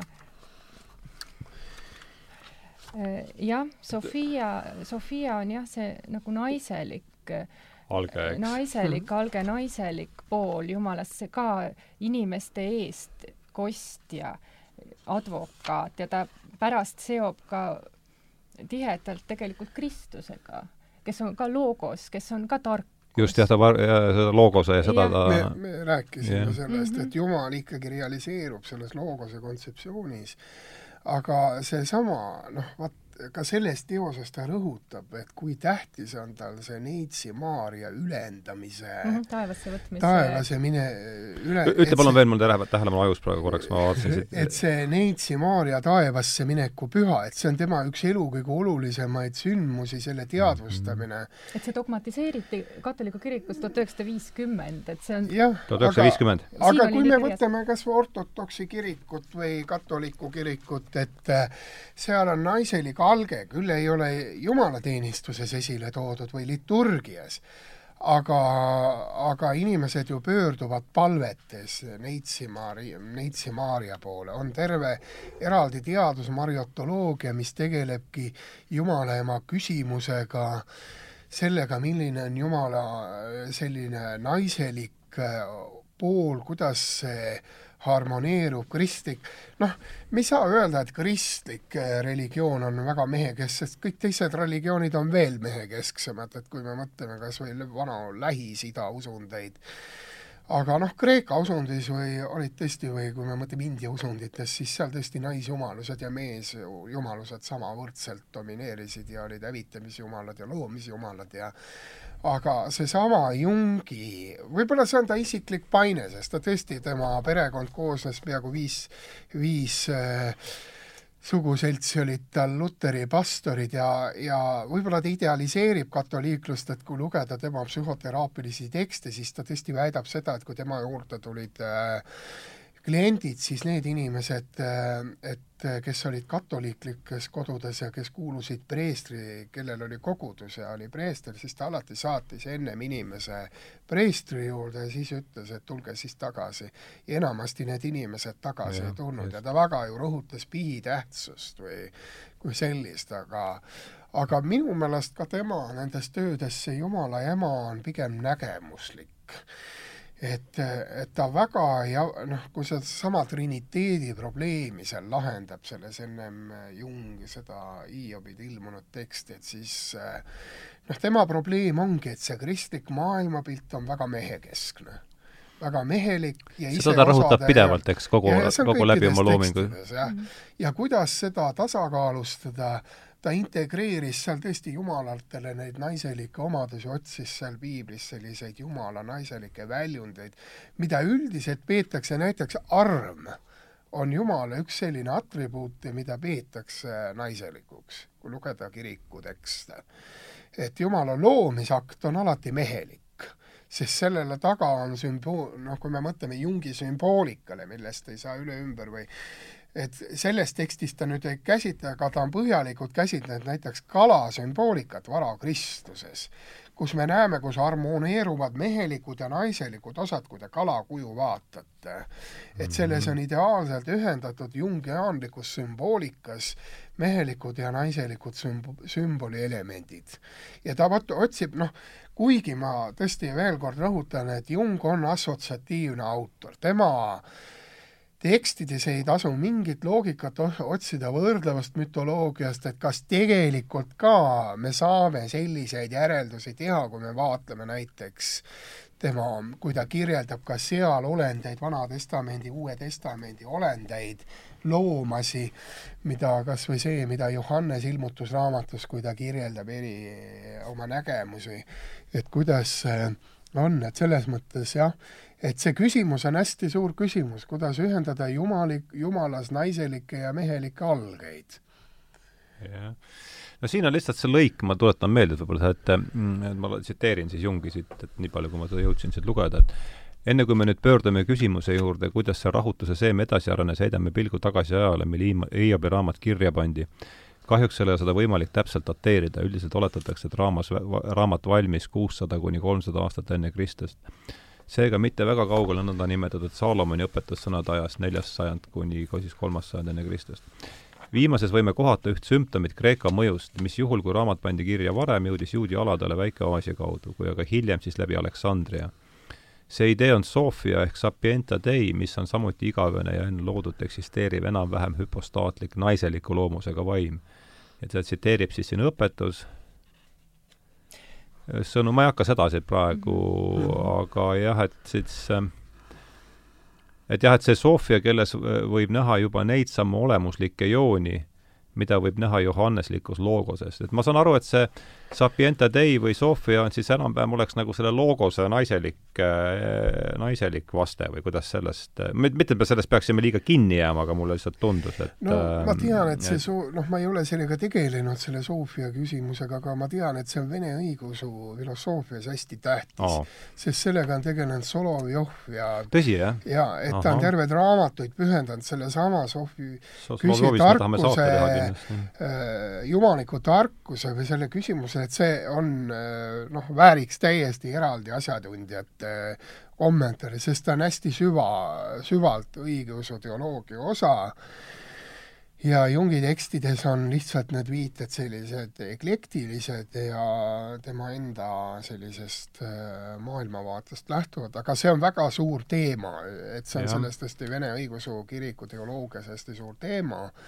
ma ei ole kursis, kuidas see katolikus teoloogias on, aga aga kahtlemata, et sellega on väga suured Vene õigeusu filosoofid tegelenud, et äh, ma tean, isegi Lossjev on selle probleemiga tegelenud, selle Sofia ilmutus näiteks Vene eh, antiikesteetikas ja uusaja esteetikas. Lossjevi eesnimi on? Aleksander või Aleksei Lossjev, jah mm. -hmm. üks asi mul meenus, mis on võib-olla huvitav, eh, kuidas Jung kirjeldab nagu sellist mehelikku sihti ja naiselikku sihti, et mehelik siht on täiuslikkus. aa ah, jaa, see oli siin, eks ole, räägi palun, see on huvitav mm aga naiselik siht on täielikkus ja selles mõttes Jung ise on võib-olla jõudnud ka rohkem selle naiseliku integreerimiseni, sest et tema just tegeleb selle vastandite ühendamisega mm., ma saan aru, mis on justkui just see just, naiselik. aga see on ka loogiline, et kui anima, mis on mehes, võib-olla mida kuskil seal kõrgemas eas rohkem mees hakkab enda sees tajuma, et siis see on loogiline, et ta selle vastandite ühendamisega nagu tegeleb üldse see raamat on kirjutatud siis, kui ta oli seitsmekümne kuue aastane ja ta see on nii vana. jaa, ja ta ja ütleb see, ka seda, vabandust, ise, et mitte ilmaasjata ma ei ole lükanud neid teemasid edasi kuni mm -hmm. sellesse ikka jõudmiseni. see on nüüd oluline jah, et see on ta väga, ikka väga mm -hmm. küpse ja raamat mm. -hmm. Jah ja,, see ongi elu lõpuperioodi mm -hmm. üks tekstidest ja mul läks nüüd meelest ära, mida ma tahtsin oh,. vabandust me jäime sinna ikkagi praegu Sofia juurde, see oli väike kõrva. sa tõid väga ja. jah, selle naiseliku meheliku. täielikkus, et mehe ja. ideaal on täiuslikkus ja, ja. ja mis ta veel ütleb, et see täiuslikkus ilma selle naiseliku pooleta, et see täiuslikkuse tupik on teatud steriilsus, mis võib pöörduda siis iseenda vastandiks, mis on see oht kui mm -hmm. taotleda täiuslikkust. see oli huvitav mõte jah, ma seda, see jäi mul ka kõrva, aga räägi, võtame see, see on, pühendame siin viis kuni kümme minutit vähemalt sellele, just see, see tundub huvitav, et kordan üle, et Jungi arvates on mehe ideaaliks täiuslikkus, naise ideaaliks aga täielikkus, et see, kas me saaksime siit natukene mm, jätkata, see on huvitav, tundub huvitav äh, mõte olevat, et jätka palun siit, et mulle tundub, et võib-olla üks, üks teema või liin siin raamatus, mis seda illustreerib, ongi see Johannese, Johannese ilmutusraamat mm., kus ta näitab, et see et see kristliku ajastu lõpus saabub nagu selline ümberpööramine, kus tuleb esile siis kogu see tume pool, et ma ei tea, kas seda võib seostada sellega, et see täiuslikkuse ainult armastuse taotlemine võib lõpuks nagu pöörduda iseenda mm-hmm. vastandiks ja tuleb esile see vari kuidagi mm-hmm. kollektiivses mõttes mm. -hmm. noh, näiteks ma ei mäleta, kas selles tekstis, aga Jung on ju vaadelnud ka ingleid ja kui me mõtleme, et inglid on üldiselt ju sootud, kus on integreeritud mehelik ja naiselik alge täiuslikult mm, -hmm. siis äh, siis me näeme, et ikkagi sellel Jungi kontseptsioonil, aga noh, sellel on ka oma ajalooline põhjus, sest kui me mõtleme psühholoogia ajaloos, need mehelikult naiste, naiselike iseloomude dimensioonide eristamine, see algab juba William Jamesi psühholoogia tüüpides või printsiipides, kus väga selgelt eristati ära mehelikud emotsioonid ja naiselikud emotsioonid. mul see tüpoloogia nüüd pähe õpitud ei ole. siis Jung on ju igasuguse James oli väga oluline Jungile, eks ole? jaa, väga oluline ja see, see on tsentraalne tekst, mõistes üldse Äh, Ju-, Jungi tausta, et, äh, et ka tema isiksuse tüpoloogia, ekstravertsus ja see on tegelikult energiatüüp, kas inimesest läheb energia välja või energia tuleb sisse, see ekstravertsus, introvertsus. et ekstravertsid elavad energiat välja ja et tihti seda nii ei mõtestata, aga Jungi puhul täpselt samamoodi see küsimus, et äh, et see soo küsimus, et kuidas ikkagi leida tasakaalustatus või selline harmonia mehelike naiste, naiselike algosade osas tema jumaliku pildis, jumala pildis, isiksuse arenguteoorias, et see on ka niisugune narratiiv, nagu me nimetame seda Jungi hinge atlaseks, et kuidas ta siis nagu ehitab just eri osadest kokku seda niinimetatud harmoonilist käsitlust maailmast, jumalast, inimesest. ja, ja, ja Hiobi puhul just seesama väga suur vastuolu jumala ja inimese harmoonia vahel ma arvan, võis olla üks tema huvi, miks ta selle tekstiga tegelema hakkas, aga aga jah, et äh, vahel jääb sõnadeks vähe, et anda edasi Jungi nägemuslikke pilte, mida ta on püüdnud keelestada tekstina. Mm. Ja on ju selge, et Jungi see viimane eluperiood oligi ju nägemuslik periood, et ta tõesti nägi väga palju nägemusi, ta tegeles väga palju unenäosümboolikaga. Ja see tekst ongi noh, selline nägemuslik tekst, et äh, ma ütlen siin vahele, ta ise ütleb Johannese ilmutusraamatu kohta sedasama, et, et me ei saa käsitleda seda ilmutusraamatut kui ütleme, noh, jälle temalikus tõlgendusvõtmes, isegi mitte ainult äh, sellise varju, isikliku varju vabanemisena või, või kuidagi esile tulemisena, vaid et Johannes oli ka kõrges eas ja vot selles eas inimene ei tegele enam oma isikliku elu konfliktidega mm., vaid ta näeb kaugele ja Jung isegi arvab, et ta justkui võis näha jah ette või kuidagi hoiatada, mis võib juhtuda kristliku ajastu lõpus ja, ja ütleb, et see, et meil on siin aatompomm ja keemiarelvad ja kõik inimene peab olema mm. teadlik mm. sellest, et see apokalüptiline situatsioon võib realiseeruda, kui inimene ei ole mm. ettevaatlik mm. -hmm. üks liin, mis selles teoses peaaegu oleks meil välja jäänud, mis meenus mulle, et juudi,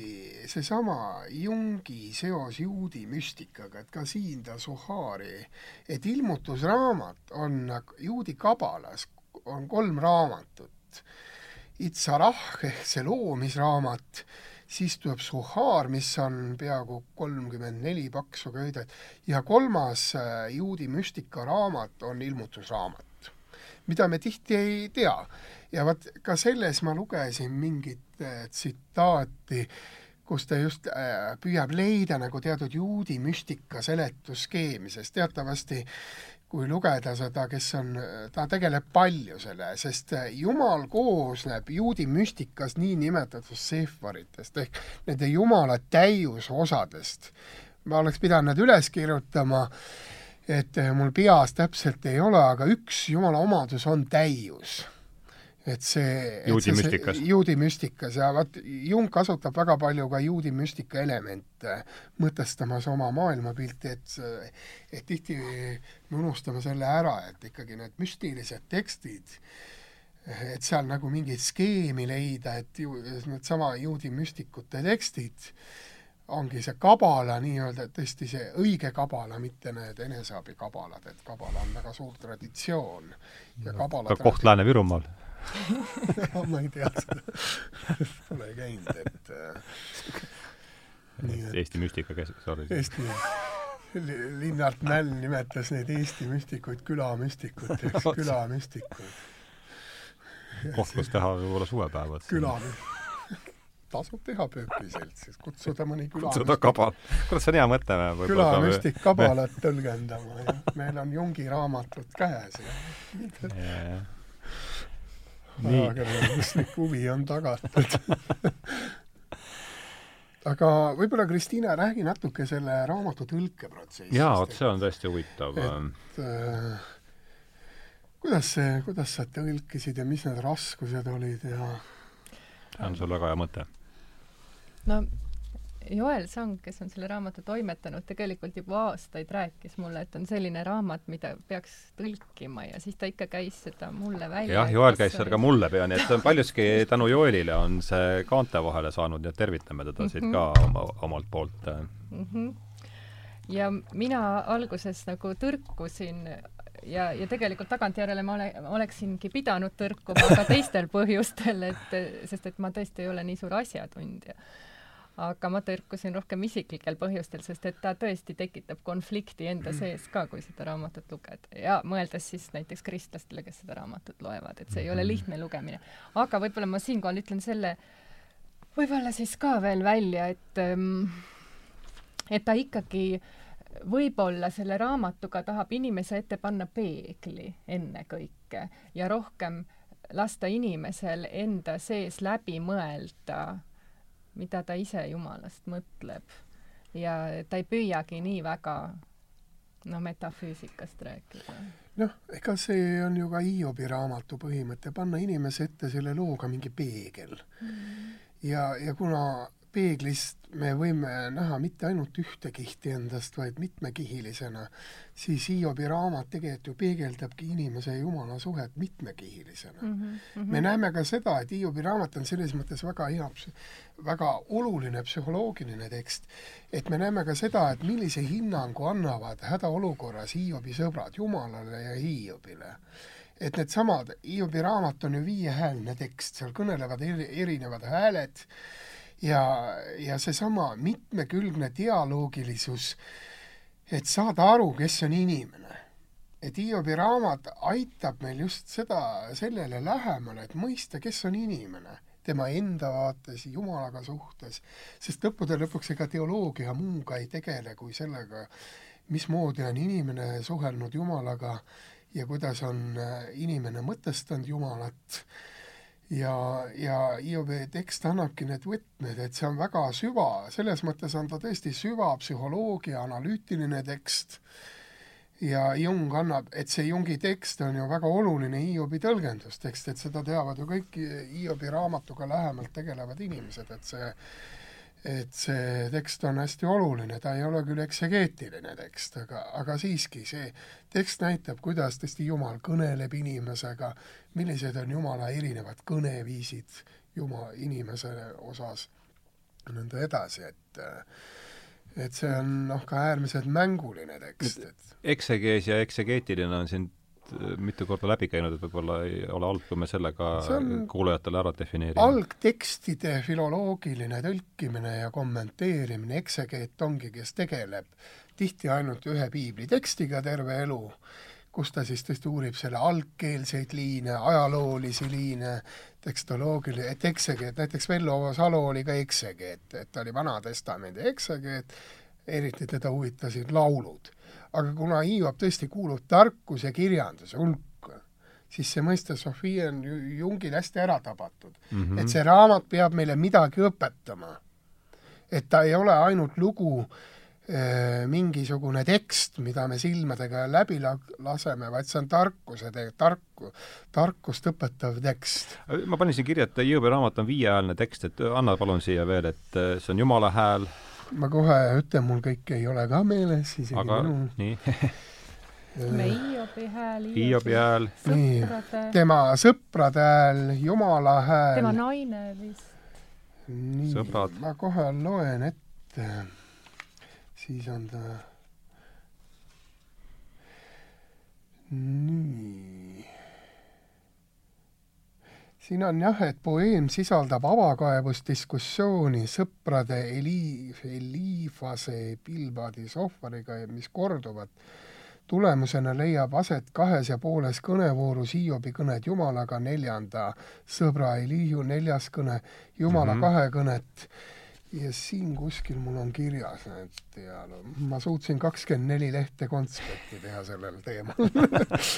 Ma võin siin vahemärkusena jälle ühe naljaka, naljaka tsitaadi võib-olla Jungist või refereerida, ühe mõtte, mis ta ütles, et sõbrad eh, ka eh, selle asemel, et olla Hiiobile tema kannatuses eh, südamesoojusega toeks, seevastu täiesti inimlikul ehk arulagedal viisil moraliseerivad. jah, see, see oli seal esimeses pooles, mida ma jõudsin ka jah, aga see on lugeda. nii tänapäevane lugu, sest ka tänapäeval kipuvad inimesed mitte teiste olukordi süvitsi vaatama, vaid on moraliseeriv selline vaade kannatavale inimesele noh, no üks põhi selline narratiiv, mis tuleb ka Hiobi raamatus välja, et kõigepealt, mida need sõbrad hakkavad tegema, tegema, uurima, kas Hiob on äkki midagi paha teinud mm, -hmm. on ta süüdi mm. -hmm, see süü kontseptsioon mm. -hmm ja näiteks Jungi psühhoteraapilistes töödes tuleb ka välja, kus ta tegeleb, noh, omab, et süü ei ole mõiste, millega saab äh,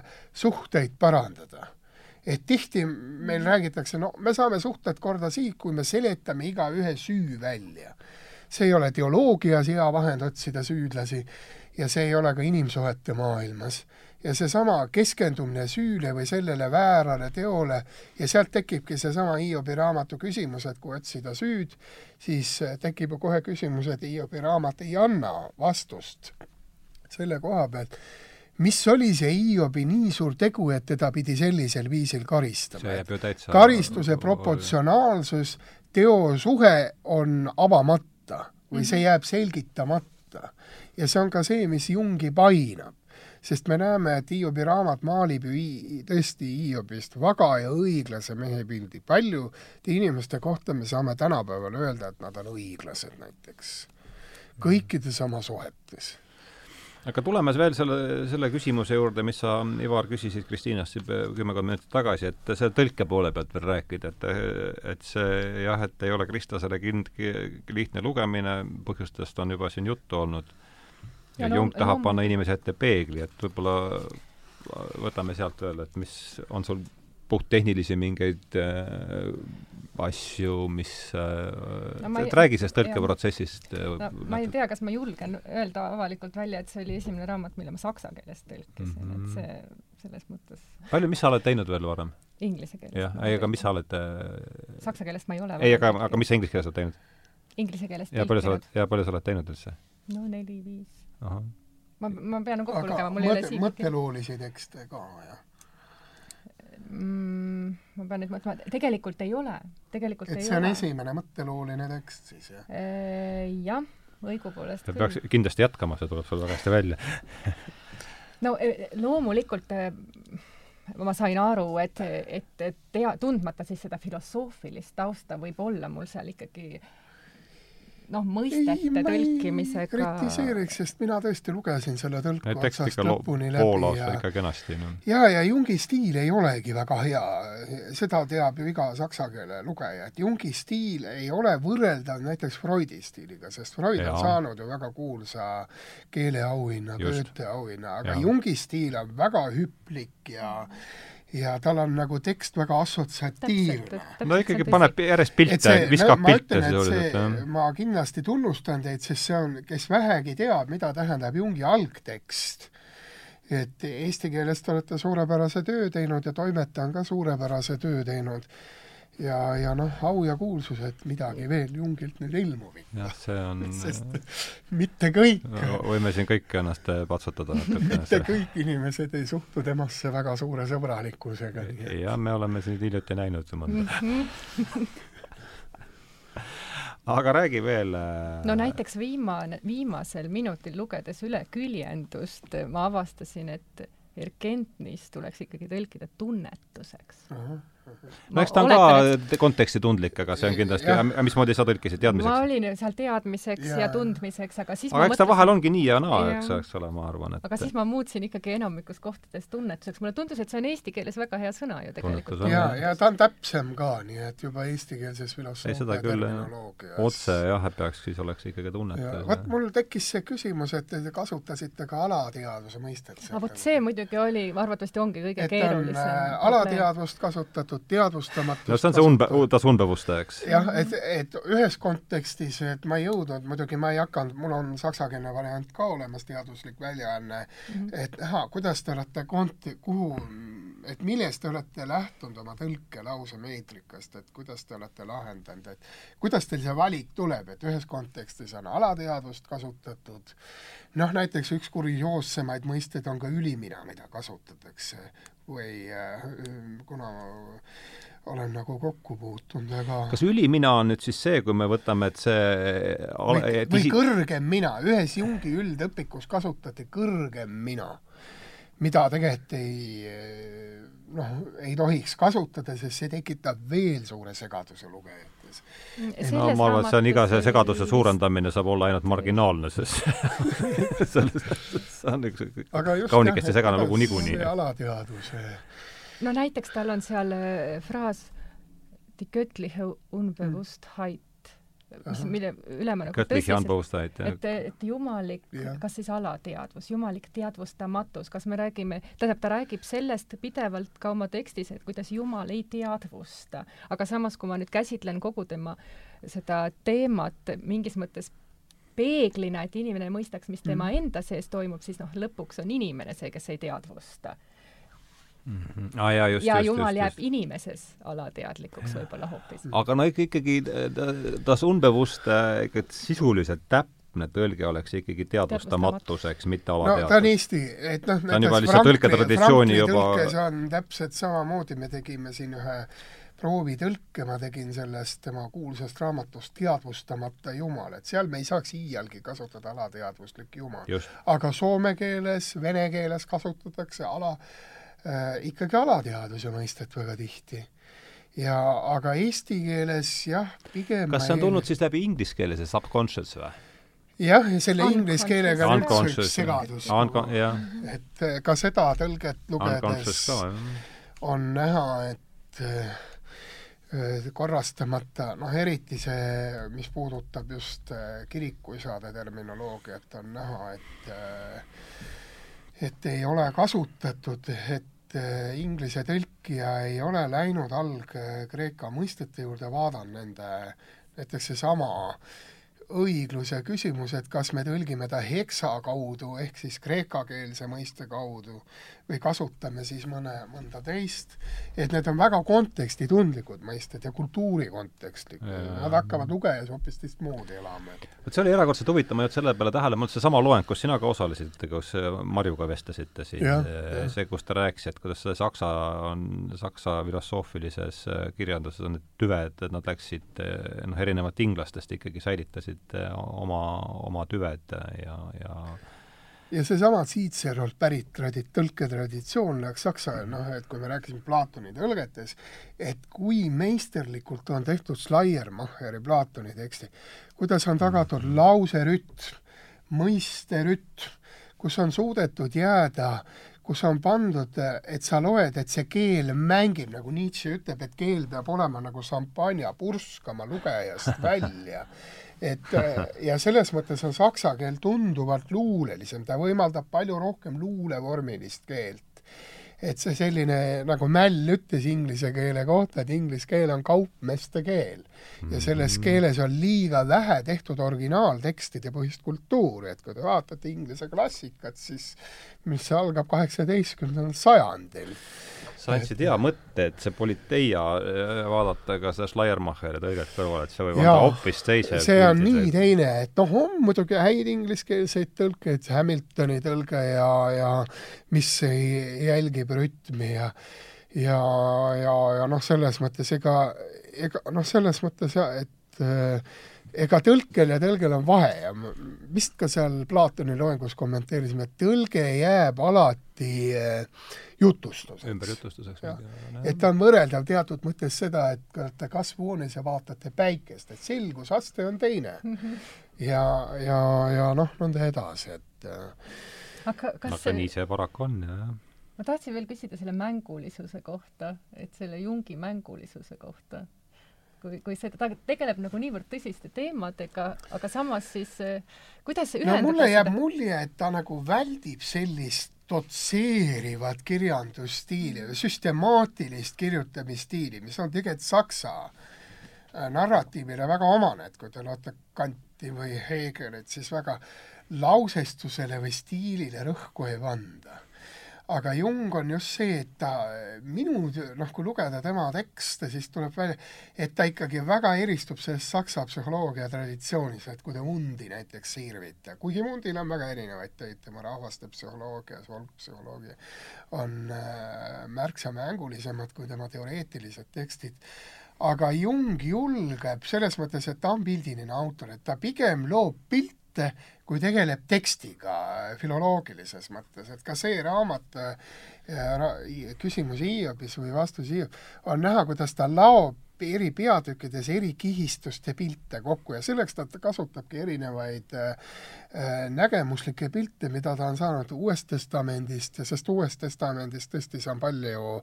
esatoloogilisem tekst, kui on Vana Testament, sest teatavasti Vana Testament või piibli äh, kui lugeda natuke juudi müstika ajalugu, siis me näeme, et müstilised allusioonid Vanas Testamendis on väga minimaalsed. et me näeme seadust, väga maist, väga maist teksti, et Vana Testament on väga maine tekst võrreldes Uue Testamendiga. et seal on nägemuslik ja spirituaalne kontekst ikkagi hoopis teine ja märksa suurema tähtsusega.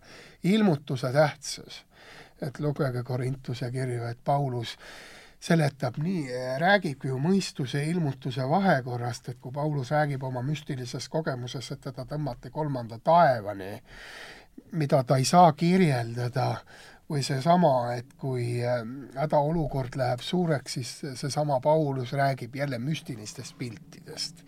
või ka Jeesuse tähendamissõnad, noh, need on küll väga idamaise algtekstiga, noh, piibel ongi idamaine tekst, see ei ole lääne tekst.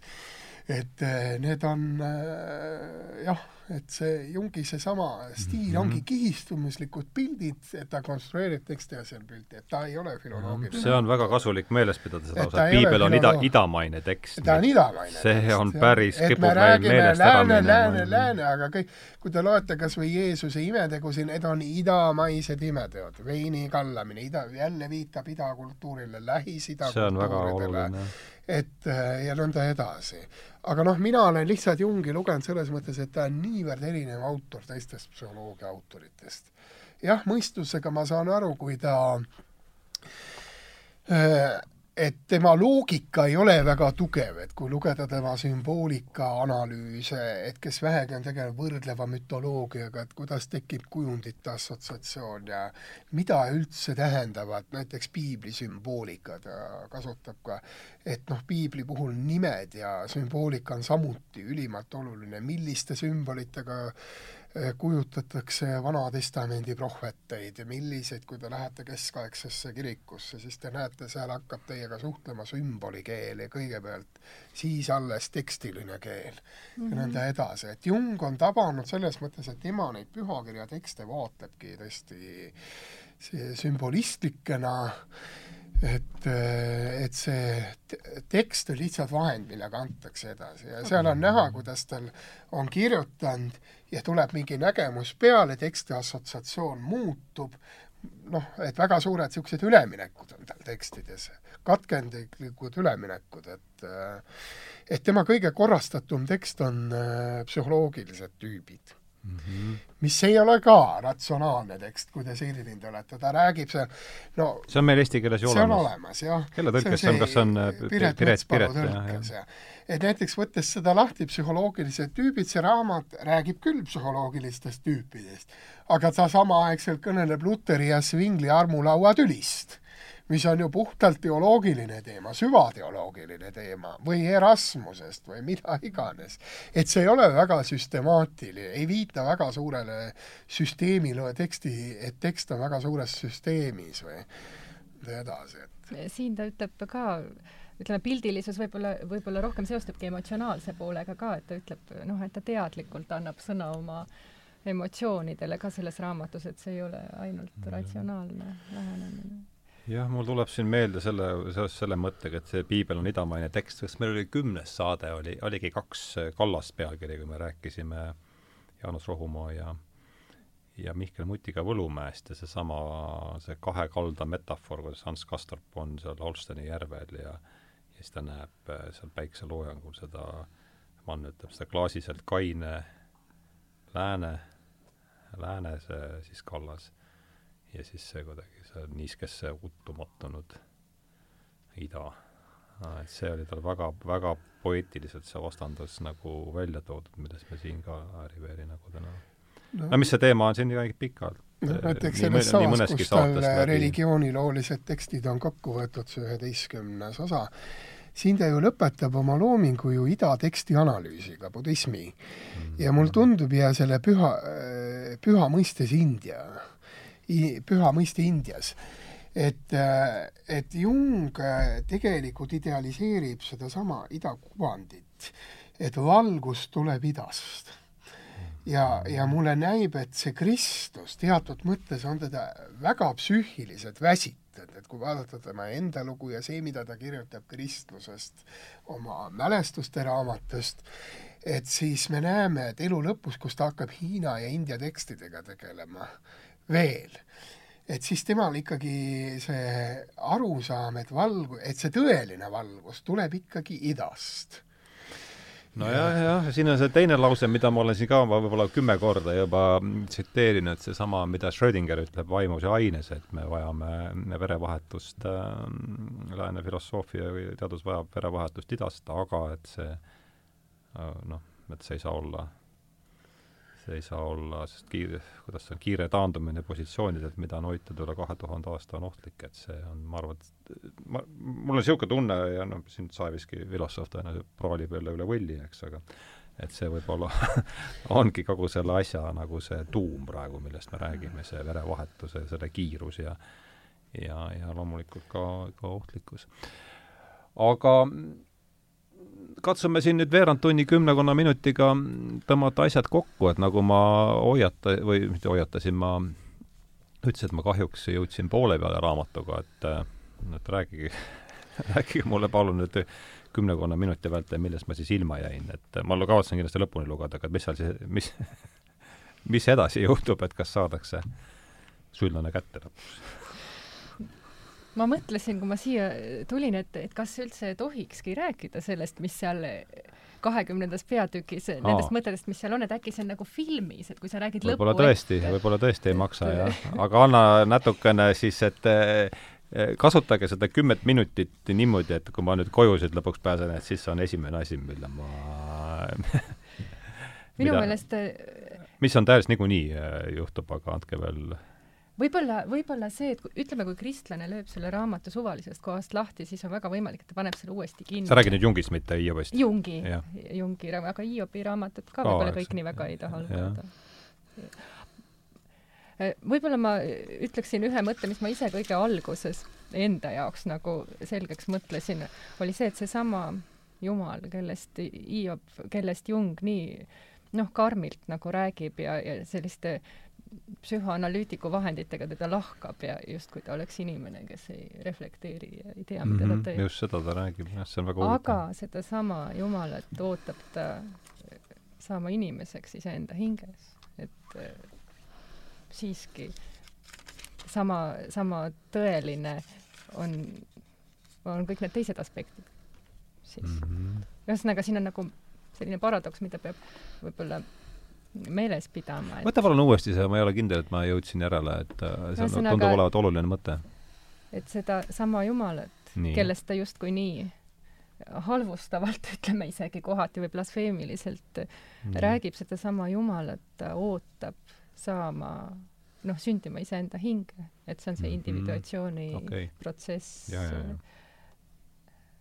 tegelikult ju või, või teadvustama jaa, individuatsioon on ka väga hea mõiste, sest tõesti, ega Jung ju tahabki jõuda selleni, äh, noh, selleni Hiobi raamatu analüüsis, et äh, kõigepealt miks Jumal ei, miks Jumal ei taha individuatsiooniprotsessi läbi teha selles Hiobi loos.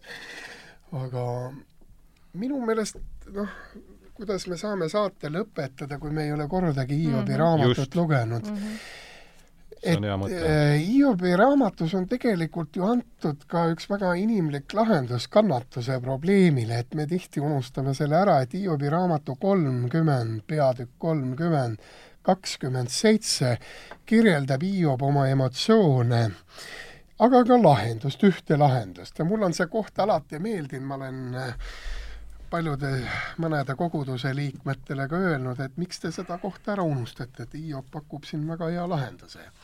Hiop siis ütleb, et mu sisemus keeb ega rahune, mind on tabanud viletsuspäevad. ma käin mustana, aga ei näe päikest, ma tõusen koguduses üles ja karjun appi. et me näeme, et Hiobi raamat ei vähenda kuidagi inimliku seotuse või inimliku toe või koguduse toe tähtsust võib-olla sellel ajal tuleks tõlkida seda sünagoogina, sest vaevalt sellel ajal kristlikku kogudust mm -hmm, oli, aga, aga Hiob ütleb, tõuske koguduses üles ja karjuge appi, et teil on häda, et vahel on tihti see häda selle tõttu suurem, et me ei tee suud lahti. ja, ja Hiob ei lükka seda inimlikku mõõdet nagu välja, et me näeme, et Hiob ju tegeleb ka nutulauluga selles tekstis et ka nutmine, oma häda väljatoomine ei ole midagi piinlikut, vaid see ongi selline, see ongi terve psüühika tunnus, et inimene oskab oma kannatust välja elada ja, ja, ja Hiiop väga selgelt oma raamatus ütleb, kuigi ma ei tea ühtki kogudus Eestis, kus inimesed saavad üles tõusta ja karjuda, et mul on häda ja viletsuspäevad mind on tabanud ja aga retsept on olemas, et kui me pühakirja tervikuna võtame, siis me ei saa seda kohta välja jätta. Kristiina mm,? võib-olla siis see nüüd ei ole jungilik tõlgendus Hiobi raamatule, aga mul lihtsalt meenus täiesti selline konkreetne eh, näide, üks mees, kes nagu pikka aega pidi, oli tegelenud kroonilise valu talumisega ja lihtsalt eh, siin Jung räägib, et kuidas, miks nagu Jumal vastuseks Hiobi kannatusele demonstreerib oma majesteetlikkust, kõike, mis ta on loonud, noh, mhm. seda loodu võimsust aga see mees, kes siis oli aastaid pidanud kroonilise valuga elama, tegelikult ütles, et just looduse võimsuse ees seistes kuidagi tema valu nagu muutus väiksemaks, et ta mm. lihtsalt ma ei tea siis, kuidas subjektiivselt see oli see, mida Jung, Jung siis eh, Jung, ütleb raamatus. Jung räägib, lihtsalt tähendab, kirjeldab teistmoodi seda, tema ütleb, et miks peaks Jumal vastuseks Hiobi kannatusele demonstreerima seda, kui võimas ja vägev ta on mm. ja ta on loonud jõehobu ja krokodilli ja noh, Jung on nagu humoorikas ikkagi ka seal aga et praktilises elus tegelikult see on uskumatu, kuidas just nimelt selle loodu vägevuse tajumine ja iseenda väiksuse tajumine võib aidata mm ka kannatust taluda. jah, ja selles mõttes ongi Hiobi raamat väga originaalne raamat, et me ja. näeme, et Hiob pöördub ikkagi Jumala poole nii õiglust nõudma kui ka nutupõnega mm. -hmm. et me näeme, et inimese Hiobi viisid pöörduda oma kannatuses või ebaõnnes Jumala poole ei ole ühetaolised.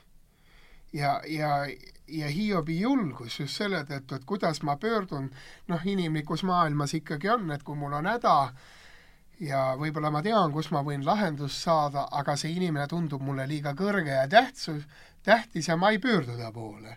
aga Hiobi puhul tuleb esile ka julgus mm, -hmm, usuline julgus ja selle raamatu mõte ongi ju eelkõige näidata just ini-, Hiobi suhet Jumalasse ja see, et Hiob julgeb suhelda Jumalaga, selle tõttu ongi ta üks suurtest.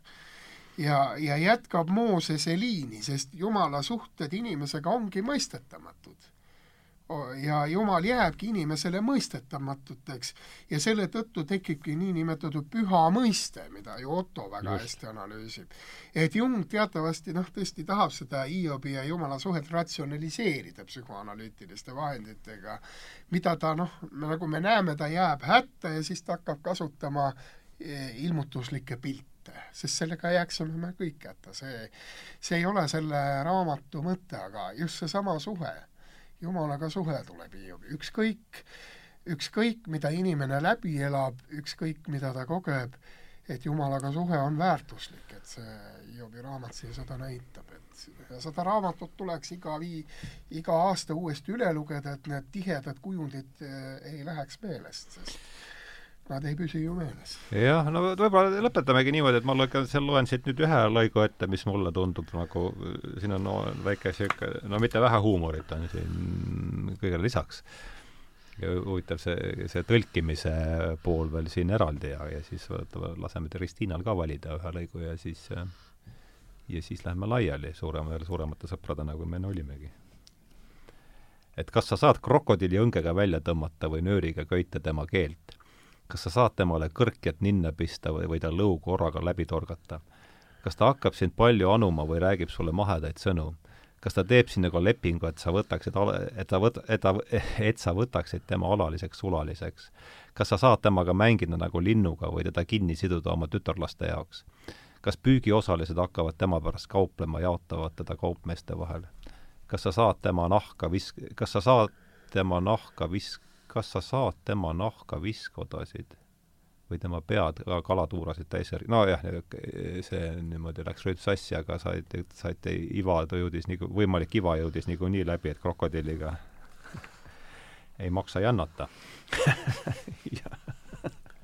aga kusjuures see krokodill, kõige naljakam on see, et see on ju seesama leviaatan, millest jah, jah, et see krokodilli mõiste seal on millest, ka tekitatud see on ikka päris no see on niisugune, see võtab ikka muhelema, kui sa mm -hmm. seda mhm. krokodilli kohta nagu loed, et aga niikaua Kristiina otsib, et äh, ütles Aivar äh, lõpetuseks või niimoodi lõpu hakatuseks, et mis äh,, miks peaks üks inimene äh, nüüd minema kohe kiiresti raamatupoodi ja ostma endale, sest me kuul-, see saade on eetris meil kahekümne teisel mail, selleks ajaks on raamat ennast väljas, et miks nüüd peaks nüüd üks äh, haritud inimene kohe tipa-tapa minema raamatupoodi ja endale selle raamatu muretsema nüüd ma väga mõtlen, mida mõtlen. ennem ma ei mõelnud väga hea, siis jõudsime pärale. see on äh, lugemise, see on üldine küsimus lugemisest, et saada sisemiselt rohkem vabaks. väga hea, väga hea. See on äh, suurepärane panen selle peale suurte tähtedega. kunagi ma lugesin, ma veel ütlen ühe ilusa mõtte pühakirja kohta üks teine sajandi pühak oli ilusasti öelnud, et püha, mina loen pühakirja ja hiljem loeb pühakiri sisemiselt mind. see on ka hea. ja, ja ma arvan, et me kunagi teeme pühakutest saate. teeme. nii et äh, aga nüüd Kristiina on oma koha leidnud.